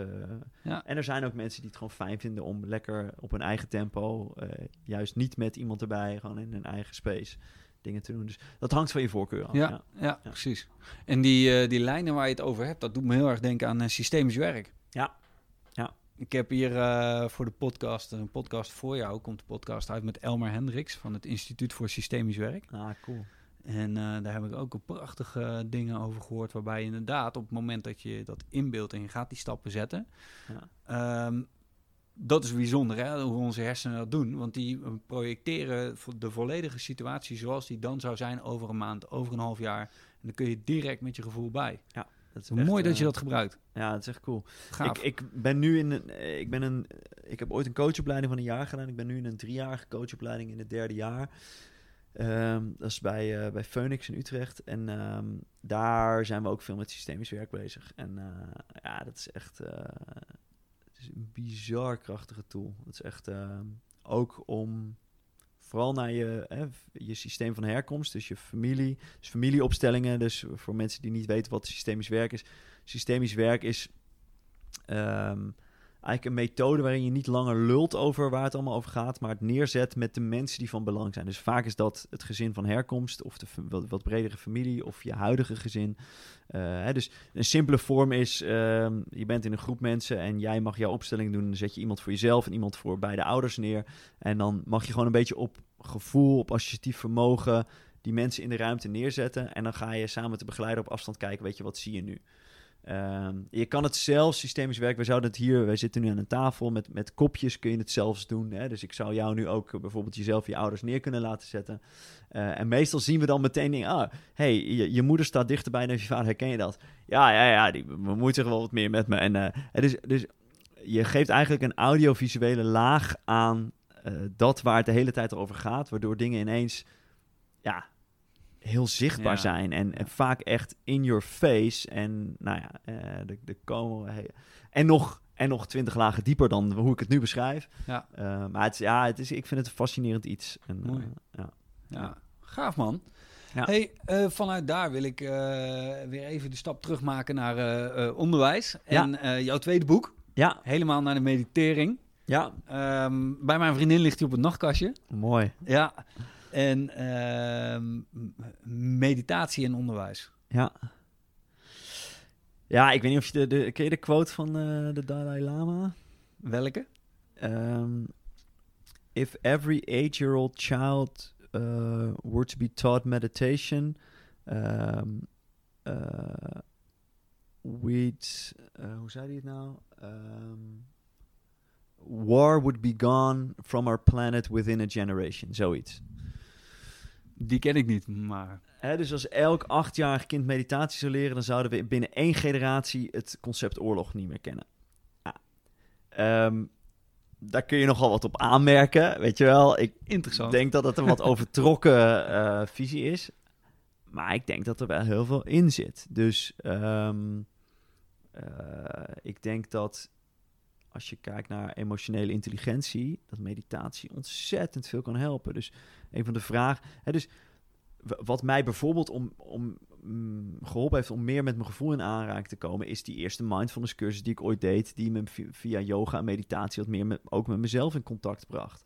Eh, en waar ik allemaal bodyscans aan het doen was en meer op mijn lichaam dingen ging voelen en ook wat beter voelde. En, en, en daar op een gegeven moment ook de, de oefening kreeg met stel jezelf nou eens de vraag, hoe gaat het eigenlijk met me? Was iets wat ik nog nooit had gedaan. Elke dag eh, één of een paar keer gewoon even stilstaan, ogen sluiten, naar binnen keren en zeggen, hoe gaat het eigenlijk met me? Om dan te merken, oh, mijn hartslag zit heel hoog. Of eh, oh, ik heb mijn buik helemaal vastgezet. Of, oh ja, dat komt omdat ik net heel druk aan de, aan de gang was. En ik heb zo weer een meeting. Misschien kan ik even ademhalen tussendoor. Oeh, oké. Oké, nou, eh, hartslag en adem zit nog steeds wel hoog. Maar oh ja, het neemt al iets af. Oké. Dat soort dingen denk ik dat het heel zinvol is. En daar hoor je ook, daar is al hartstikke veel onderzoek naar gedaan. En, en daar zie je ook hele mooie resultaten. Dat als je kinderen dat leert, ja, dat, dat helpt ontzettend. Ehm, maar dat gaat ook nog een paar slagen dieper. Dus, dus dat je op een gegeven moment ook leert welke, ge- eh, welke gedachtenpatronen heb je nou. Weet je? Hoe, hoe werkt dat ego? Wat, een ego is een hartstikke gezond iets om op te bouwen als kind. En het is ook wel leuk als je dat op een gegeven moment een beetje opgebouwd om het te gaan doorzien. Dat je er niet aan vast zit. Ehm, dus ik denk, eh, nou ja, dat, dat die Dalai Lama zeker wel een punt. punt, had. Ja. Maar dat het ook niet, al, niet alles is. En ehm, er is een andere mooie quote. Ik weet even niet meer. Volgens mij is dat van een, van een Franse filosoof of zo. En die schijnt gezegd te hebben dat. ehm, hoe zei hij het nou ook alweer? Iets van. Al het, al het slechte in, te, in de wereld. Of alle. Zoiets. Het is iets minder extreem dan dat. Maar iets van al het slechte in de wereld is te herleiden op de, de incompetentie van de mens. om met zichzelf stil te zitten in een kamer en niks te doen.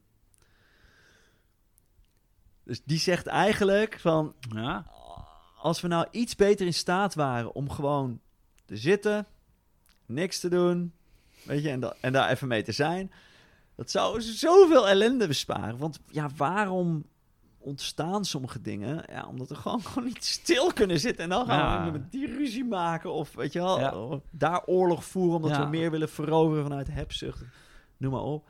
Ehm, botsen. dus, dus, nou, weet je, en dat is ook maar weer een. Het zijn, het zijn maar twee quotes. En ik denk dat ze niet waar zijn. Maar ik vind ze wel. Ze hebben wel iets inspirerends. En ik denk dat er een ingang zit om te zeggen. Ja, het educatieve systeem zou wel wat hebben aan. Hè, wat meer introspectie. Waar we nu heel erg gericht zijn op. Welk extern plaatje willen we neerzetten? Wie, willen we, wie denken we te moeten zijn om geaccepteerd te worden door, de maatschappij? Dat het ook wel heel erg help, zou helpen om naar binnen te gaan en voor onze emotionele intelligentie wat meer te voelen voor ons richting in het leven wat meer erachter te komen. Wat zijn mijn waarden eigenlijk? Eh, hoe wil ik leven? Ehm, en op termijn, maar ik weet niet of dat voor kinderen... hè, want kinderen moeten eerst maar zo'n gezond ego opbouwen... voordat ze met doorzien en overstijgen van het ego aan de slag gaan. Maar dat Ja. op een bepaald moment... Dat, ja, dat het ook heel interessant is om te gaan onderzoeken van... Hè, dus ik, laat ik mijn zin afmaken en het dan iets nuanceren... om te onderzoeken van welke gedachten gaan er nou allemaal door mijn, door mijn hersenen rond. En eh, ik heb altijd wel. eh, de- de- in, in veel literatuur kom je de vier dimensies van het, van het leven van de mens tegen: de fysieke, emotionele, mentale en spirituele dimensie. En ik heb altijd wel een beetje moeite gehad met die vierde dimensie. En dat beschrijf ik ook in mijn boek helemaal naar de meditering. Waar komt die ineens vandaan? Waarom hebben we niet een culinaire dimensie of een intergalactische dimensie? Of weet je, wa- wa- waarom die vier? Nou, en, en Jan Geurts legt dat in een van zijn boeken mooi uit. Hoe het ontstaan is, is dat Ehm, als je als baby geboren wordt, dan is alles één. Dus niet zoals een, voor, voor de Boeddha alles één was, maar gewoon omdat die nog geen onderscheid kunt maken, kan maken. Dus die komt uit, uit de baarmoeder, waar ook, weet je wel, het is één grote blur. Dus de zintuigen zijn nog niet zo ver dat ze onderscheid kunnen maken. Dus dat is moeder en dit ben ik, of dat is buitenwereld, dit ben ik. Dus het is gewoon, er is geluid, er is, nou, et cetera. En het eerste waar ze zich bewust van worden op een gegeven moment, is dat ze een lichaam hebben. Maar omdat dat het enige is wat ze dan kennen, denken ze, ik ben mijn lichaam. Eh, denken ze even tussen aanhalingstekens. Maar de perceptie van een baby ja, is waarschijnlijk, ja. voor zover we dat hè, met onderzoek kunnen, kunnen zien en kunnen interpreteren, is dat zij zichzelf helemaal vereenzelvigen met hun lijf. Dus dat is een kind dat, een baby dat de teen in de mond stopt, weet je wel, dat is het prachtige plaatje dat erbij hoort. Ik ben mijn lichaam. Dan, op een gegeven moment, eh, merkt zo'n kind dat er wat meer is in dat lichaam rondgaat dan het lichaam zelf. Dat het allemaal lastige gevoelens zijn. Emoties. Hè, dus, ehm, en dan komt de kind erachter, oh ja, ik ben niet mijn lichaam, ik heb een lichaam. Maar in dat lichaam gaan emoties rond. Oh ja, ik ben mijn emoties. Dus dan is er een volstrekte identificatie met de emotionele laag. Dus dit is een kind die op het ene moment super blij is en dan weer knetterboos. Weet je wel, dat is. Die is, ik ben nu blij en ik ben nu boos. Die kan niet zien van, oh ja, de golven emoties door mijn lichaam. Het is gewoon bam, bam, bam. Nou, dan zo rond een jaar of 9, 10 of zo, dan beginnen die hersenen een beetje ontwikkeld te raken. Ehm, en dan komt die rationele cognitieve laag erbij. Dus dan wordt het mentale stuk in de hersenen wordt, wordt steeds eh, ontwikkelder. En dan kunnen kinderen eh, he- hebben hele duidelijke ideeën en, en gedachten. En dan kunnen ze ook wat beter zien: oh ja, ik ben niet mijn lichaam, ik heb een lichaam. Ik ben niet mijn emoties, ik heb emoties. Ehm de meeste van ons, hè, omdat de emotionele opvoeding niet fantastisch is, komen we nog niet helemaal zover. Maar dan komt het al gauw: ik ben mijn gedachten. Dus elke gedachte die je hebt, ben je meteen. Nou, als je dan bezig gaat met leren doorzien dat je niet je gedachte bent, ja, weet je, waar kom je dan terecht? Als ik, als ik een lichaam heb en ik heb emoties en ik heb gedachten. Hè? Dus je, als je wat Mm. verder komt in meditatie, en ik weet niet of je het wel eens ervaart, maar dan, dan kun je dus stilzitten op een stoel. ehm, gewoon alleen maar observeren wat gebeurt er nu en dan zien dat er een gedachte opkomt. En dan kun je ook beslissen van ik ga er niet in mee en dan gaat hij ook weer weg. En dan komt er een volg. Dus zo kun je gewoon als, als observator aan de zijlijn staan van je eigen belevingswereld en zien, hé, hier komt een gevoel voorbij. hey, hier voel ik wat in mijn lichaam. Hey, daar komt een gedachte. Oftewel, als je dat allemaal kunt observeren, dan ben je dus niet een van die drie. Maar de grote vraag is, ja, wie ben je dan wel? Als ik niet mijn lichaam ben, als ik niet mijn gevoel ben, als ik niet mijn gedachten ben, wie, wie ben ik dan? Nou, dat is de grote vraag van spiritualiteit. Dus daar komt die spirituele in dan vandaan. Waar ben je dan mee bezig? Dan ben je de vraag aan het beantwoorden, wie, wie ben ik eigenlijk? Ja. En, en dan kom je erachter, oeh, ja, ik ben bepaalde egopatronen. Ik doe altijd dit, of ik voel heel sterk de neiging tot dat. Maar het is maar een gedachte of een gevoel. Nou, en, en waar spirituele ontwikkeling over gaat, is om dat wat te leren overstijgen. Ehm, wat hebben we daar met z'n allen aan? Nou, eh, ik vertelde je al, ik heb een aantal Vipassana-retretes gedaan. En ik ben ook één keer vrijwilliger geweest. En toen heb ik met een aantal eh, andere mensen die Vipassana's, eh, hè, meerdere retretes ook al hadden gedaan, zijn wij degene geweest die ehm, het eten kookte voornamelijk, eh, maar ook voor logistieke dingen verzorgde. Ehm, zodat mensen tien dagen lang in stilte gewoon helemaal zich kunnen focussen op hun beoefening, hun spirituele beoefening, hun meditatie. Ehm, en wij alles voor hen, hen fixen voor de rest. En wat ik daar merkte was dat ik dus met mensen samenwerkte die, ja, die waren echt uit alle rangen en standen van de maatschappij geplukt. Dus eh, als het over plukken gaat, was één meisje, een Frans meisje, dat kwam, haar laatste werkbetrekking was wietplukken in, in Amerika. Er was een jongen die was werkeloos, er was een student kunstmatige intelligentie, er was een biologische boer. Eh, weet je, echt Mooi. Ja. van alles door Ja, elkaar. vet. En mijn beeld was altijd dat, weet je wel, de, de, de, de, ja, de kers op de taart van de, van de Nederlandse maatschappij. Van, weet je, we, daar waar je het beste met mensen samenwerkt, dat is bij de grote corporates, weet je wel. De, de Philipsen en Shells en Nike's en DSM's van deze wereld. Daar gebeurt het, daar zitten de grote talenten. Maar heel eerlijk, als ik er kwam, vond ik mensen vaak niet super capabel bij die grote corporates. Dat ik dacht, en ja, ik vind jullie eigenlijk helemaal niet zo slim of kundig of emotioneel vaardig of whatever. Of veel leiderschap tonen. Of, ah, het viel me altijd een beetje mee, of een beetje tegen. Ehm, en ook veel grote ego's, weet je wel. Dus mensen die eigenlijk qua bewustzijn vond ik het allemaal wat matig. Die helemaal niet van zichzelf door hadden. Dat ze bepaalde patronen eh, vertoonden. Ehm, en, ehm, en nu was ik op een retraite met mensen, weet je wel, die ja, bij elkaar geraapt zootje met mensen die me wat deden. En als je ons bij elkaar had gezet en een foto had gemaakt, had je echt gezegd van, wat is dit voor een rare kliek mensen. Maar wij werkten op een mooie manier samen. Ik vond het echt, ja, ik vond het gewoon, ik heb, ik zei toen ook op een gegeven moment eh, op dag 9 of 10 van jongens, dit is echt het beste team waar ik ooit in samengewerkt. En voor mij zat het voornamelijk dat we allemaal in staat waren om ook naar binnen te kijken. Te zeggen, oh ja, weet je, ik loop hier nu tegen een ego-patroon aan en eh, laat me maar even. Of sorry dat ik net zus of zo deed. Of hoe kunnen we hier... nou- Dus het was nou, misschien ook wel heel feminien en veel oestrogeen en lekker, weet je wel. En dat, daar gedij ik goed op. Dus dat, dat, dat zal ongetwijfeld over meer zijn gegaan. Maar wat ik in ieder geval zag, was dat er ook kleine conflictjes waren. En dat er op een mooie manier mee om werd gegaan. Omdat iedereen een beetje kon inzien dat er ego was. En daar ook met wat afstand naar kon kijken. Mooi. Ik denk dat dat de grote premisse is voor de maatschappij. Als we, dat, als we dus met z'n allen ergens leren om wat meer naar binnen te kijken. En te zien dat we niet ons lichaam zijn, niet onze emoties zijn, niet onze gedachten zijn. Daar wat met, met afstand naar kunnen kijken. Wel zien dat dat zich steeds manifesteert. En dat we daardoor neigingen hebben om maar weer dit te gaan doen of maar weer dat te gaan doen. Maar dat zodra er bewustzijn komt, je ook dus soms kunt kiezen van nou, dan nu even niet. Weet je wel, mijn ego wil weer dat ik nu ga presteren. Dat is een typisch marktpatroon. Nou, laat maar even. Weet je wel, misschien is ontspannen nu ook wel fijn of iets in die richting. Ik denk, en dus ik weet niet op welk punt dat. Dus ik denk voor emotionele intelligentie dat meditatie, mindfulness best wel vroeg ingezet mag worden. Ehm, ik denk dat slimme mensen er eens goed over na moeten denken. Wanneer je kinderen wil gaan leren om hun gedachten te observeren. Want weet je, dat is echt een, een, een methode om eh, ook wel ego te overstijgen. En, en, en ego mag ook eerst gezond opgebouwd worden voor kinderen. Dus Ja. Heb ik nog niet helemaal een beeld bij, maar ik denk dat het in ieder geval een rol heeft in het educatieve systeem. Ja. Ja, mooi. Wauw. vet antwoord weer. ja, gaaf. Ja. Ehm, ik zit even te kijken naar... eh, oh oh. we gaan hard in de tijd. Hè? Ja. we gaan heel hard in de That's tijd. what happens. Ja. Ehm, want ik wil eh, eh, nog even eh, eigenlijk twee dingen met je bespreken, als je Ja. het goed vindt. Eén is ehm, dat ik heb begrepen dat je eh, ook een cursus financiën, training financiën, Ja. aan het Mooi. ontwikkelen bent of hebt. Aan het ontwikkelen ben. Ja. aan het Dus- ontwikkelen bent. Wat natuurlijk ook echt, als je dat leert in het onderwijs, hoe ga je nou, hoe, hoe bouw jij jouw relatie met geld? Wat is je relatie met geld? Wat is je startpunt? Juist. En hoe kun je die relatie met geld verbeteren zodat het, dat het voor je werkt? Dus ehm, weet je, dit was voor mij een blinde vlek tot en met tot ik een keer in een training iemand, weet je, het werd bij mij erin gefietst. Ik heb de mazzel gehad dat iemand me hiermee confronteerde in een training over persoonlijke ontwikkeling en, en ondernemerschap.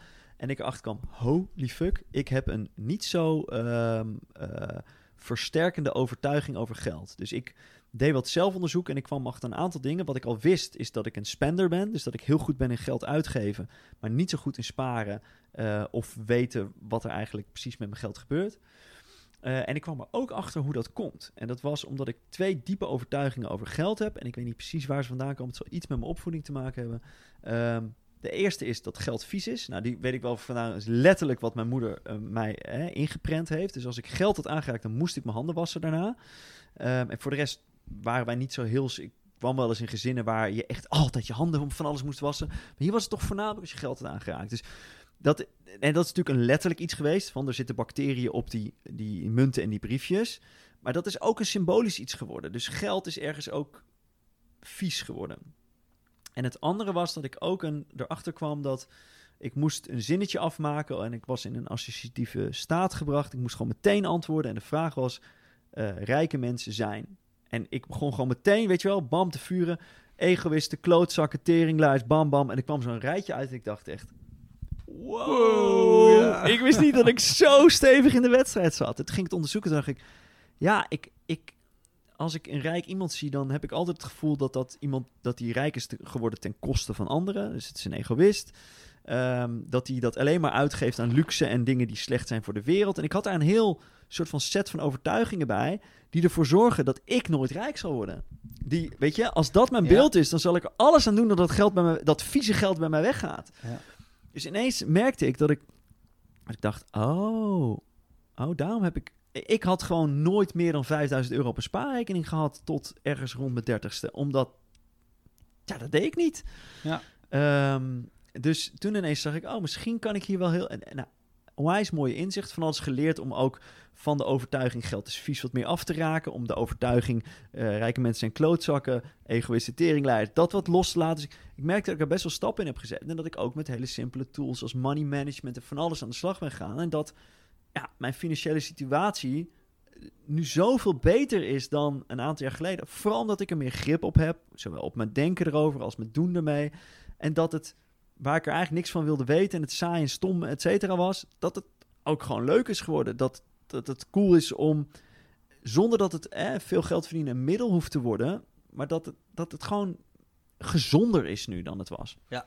Nou, en eh, in mijn coaching liep ik er tegenaan dat, ehm, dat, ik, dat, er me- dat mensen ook daarop blokkades bij zichzelf eh terechtkwamen. Dus dat ik heb een meisje gehad die zei van ja, weet je, baan opzeggen zal er niet echt bij zijn eh, bij die corporate waar ik nu werk. Want ik moet elke maand toch best wel wat kleren kopen. Want ja, dat heb ik gewoon nodig met mijn levensstijl.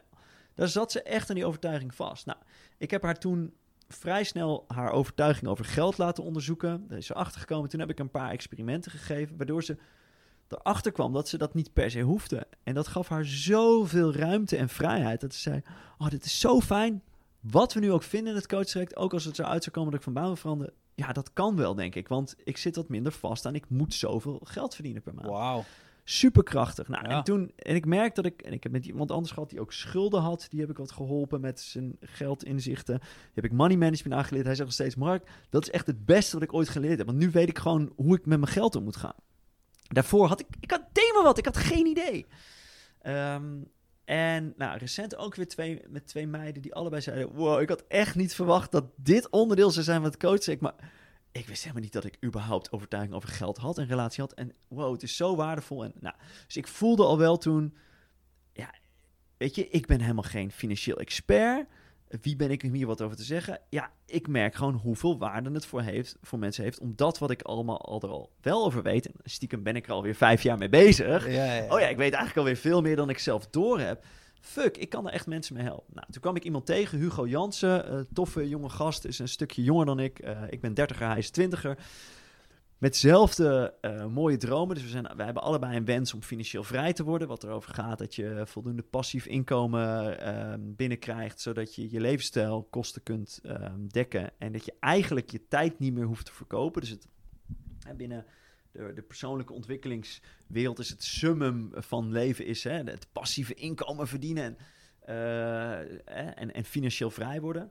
Ehm, en dat zijn een beetje hype-termen, maar ik denk dat er wel echt wat in zit. Weet je, hoe, hoe mooi als je op een gegeven moment ehm, echt keuzes kunt maken die gaan over wat vind ik leuk en wat vind ik belangrijk en, en wat wil ik voor andere mensen betekenen. Ja? In plaats van, ja, ik ga maar weer naar het werk, want ik moet toch geld verdienen.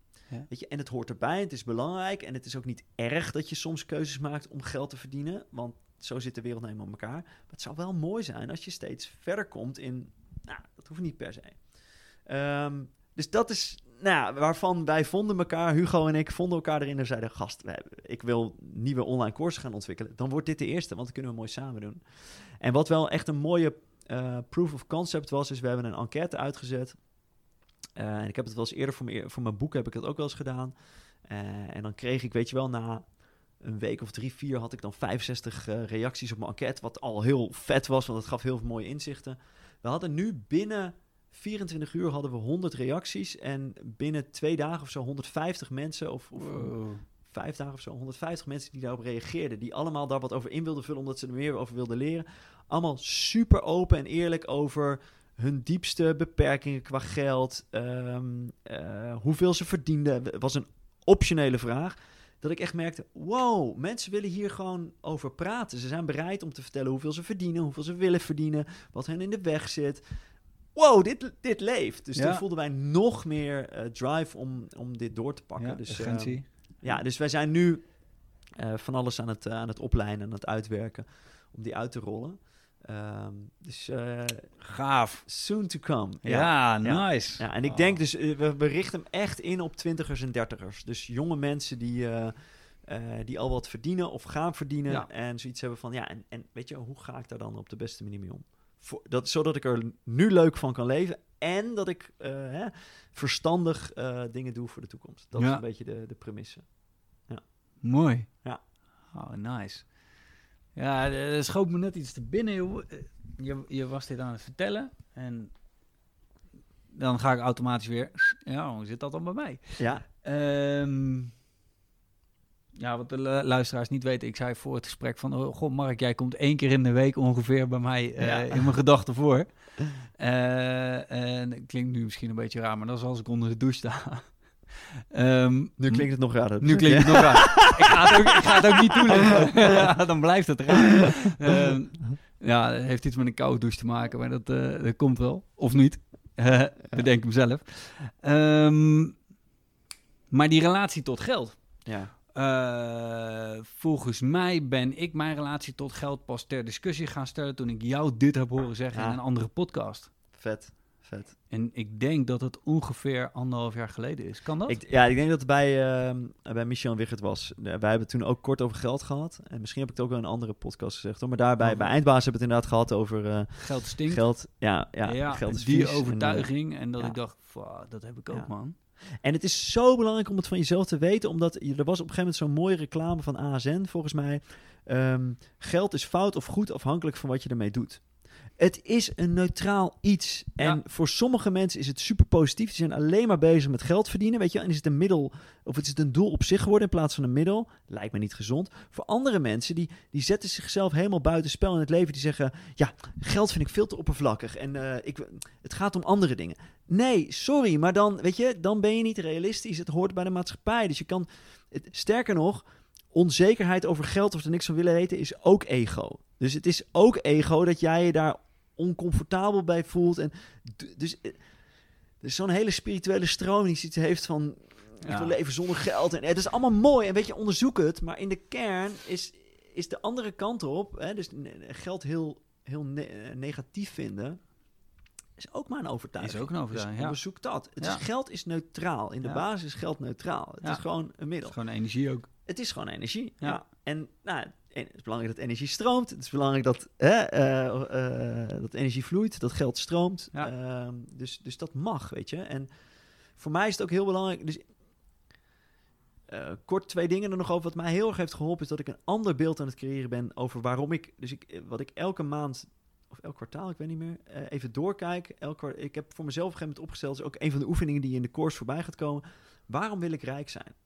Dus er zit nog steeds bij mij ergens die overtuiging van, ja, rijk is toch niet helemaal oké, weet je, die zit zo diep, dat elke keer als ik daar doorheen ga, dan lees ik, ehm, omdat ik precies die dingen met mijn leven wil kunnen doen die voor mij leuk en belangrijk zijn, zoals bijvoorbeeld aan duurzame projecten werken. Als ik, weet je, als ik geen geld zou hoeven verdienen, dan zou ik waarschijnlijk nog precies doen wat ik nu doe. Misschien zou ik een aantal keuzes ook net anders maken, dat ik iets meer tijd heb. En dan zou ik, weet ik veel, bossen gaan bouwen. Of dan zou ik dingen doen, weet je wel, die Ja. belangrijk zijn voor de wereld. Ja. Omdat ik ehm, mensen die het financieel minder goed hebben, wil kunnen helpen. Omdat ik in belangrijke projecten in de wereld wil kunnen investeren. Er staat echt een lijstje waar een aantal comfortdingetjes van Mark in zitten. Omdat ik op een fijne plek wil kunnen wonen. Omdat ik mijn kinderen, mocht ik die ooit krijgen, goed wil kunnen verzorgen. En hetzelfde wil kunnen geven wat mijn ouders hebben gedaan. Er zitten een aantal dingen die van mij zijn. Maar er zit ook zoveel tussen wat gaat over de wereld. Als ik rijk word, dan is het, weet je, heb ik steeds meer het beeld. Oh, dat is best wel goed voor de wereld.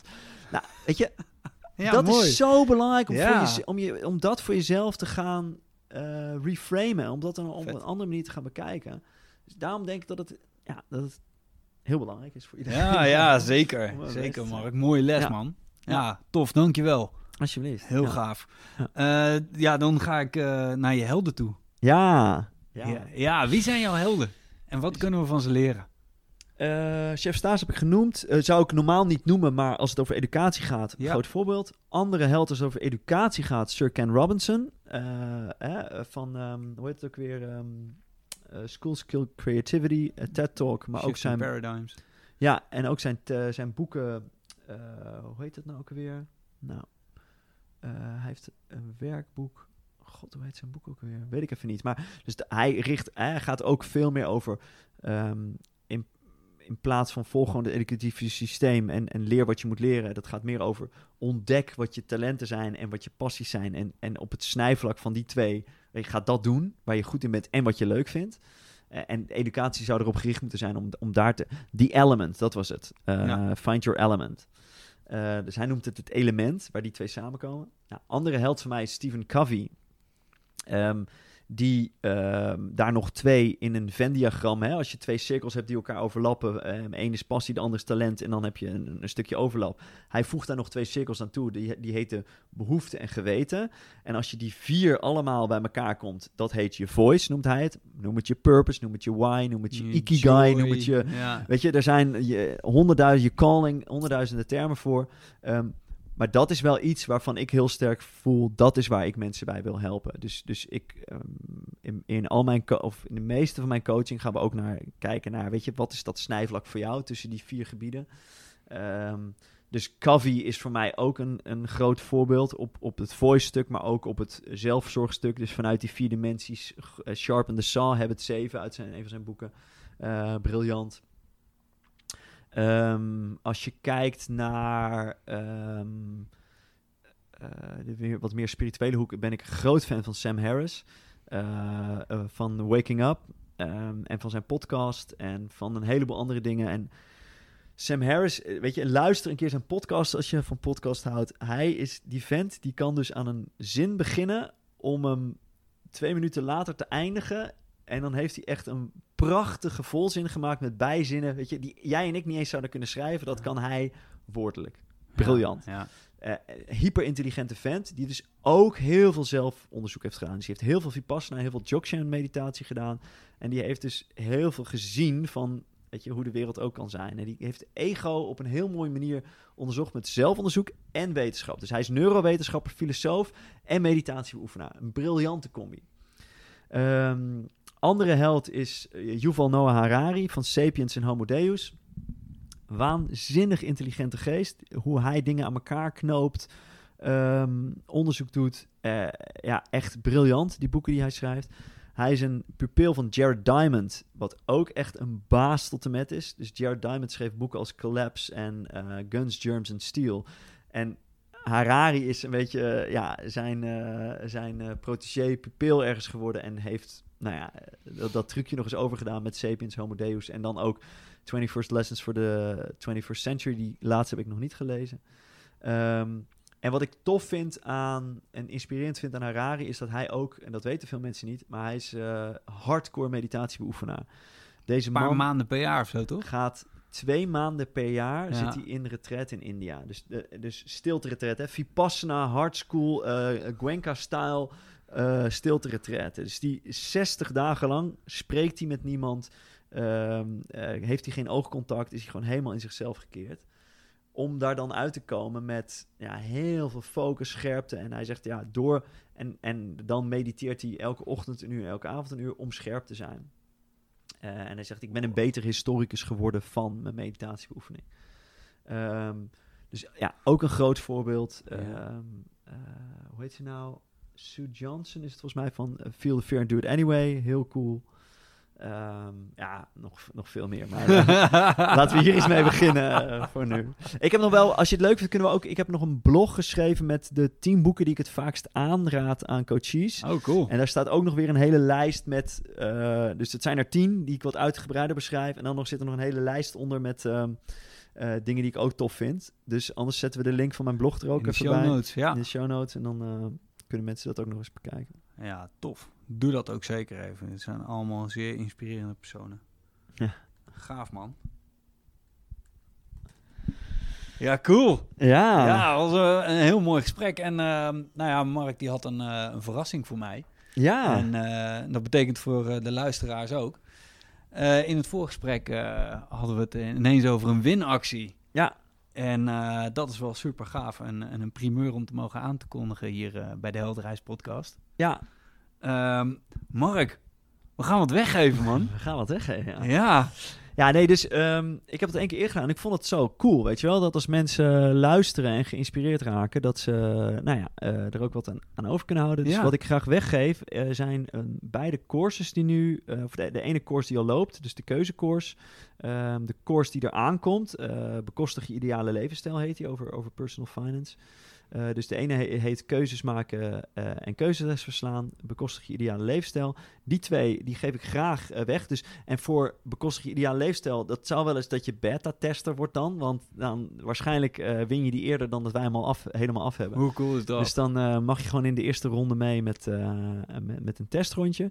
Um, en, en mijn beide boeken. Dus die uh, van beide gesigneerd exemplaar uh, stuur ik ook graag iemand eentje op. Gaaf. Dus vier prijzen. Ja, um, super. Bedankt. In ruil voor je e-mailadres, dat wij ja. mensen een beetje op de hoogte kunnen houden van wat we doen met de nieuwsbrief.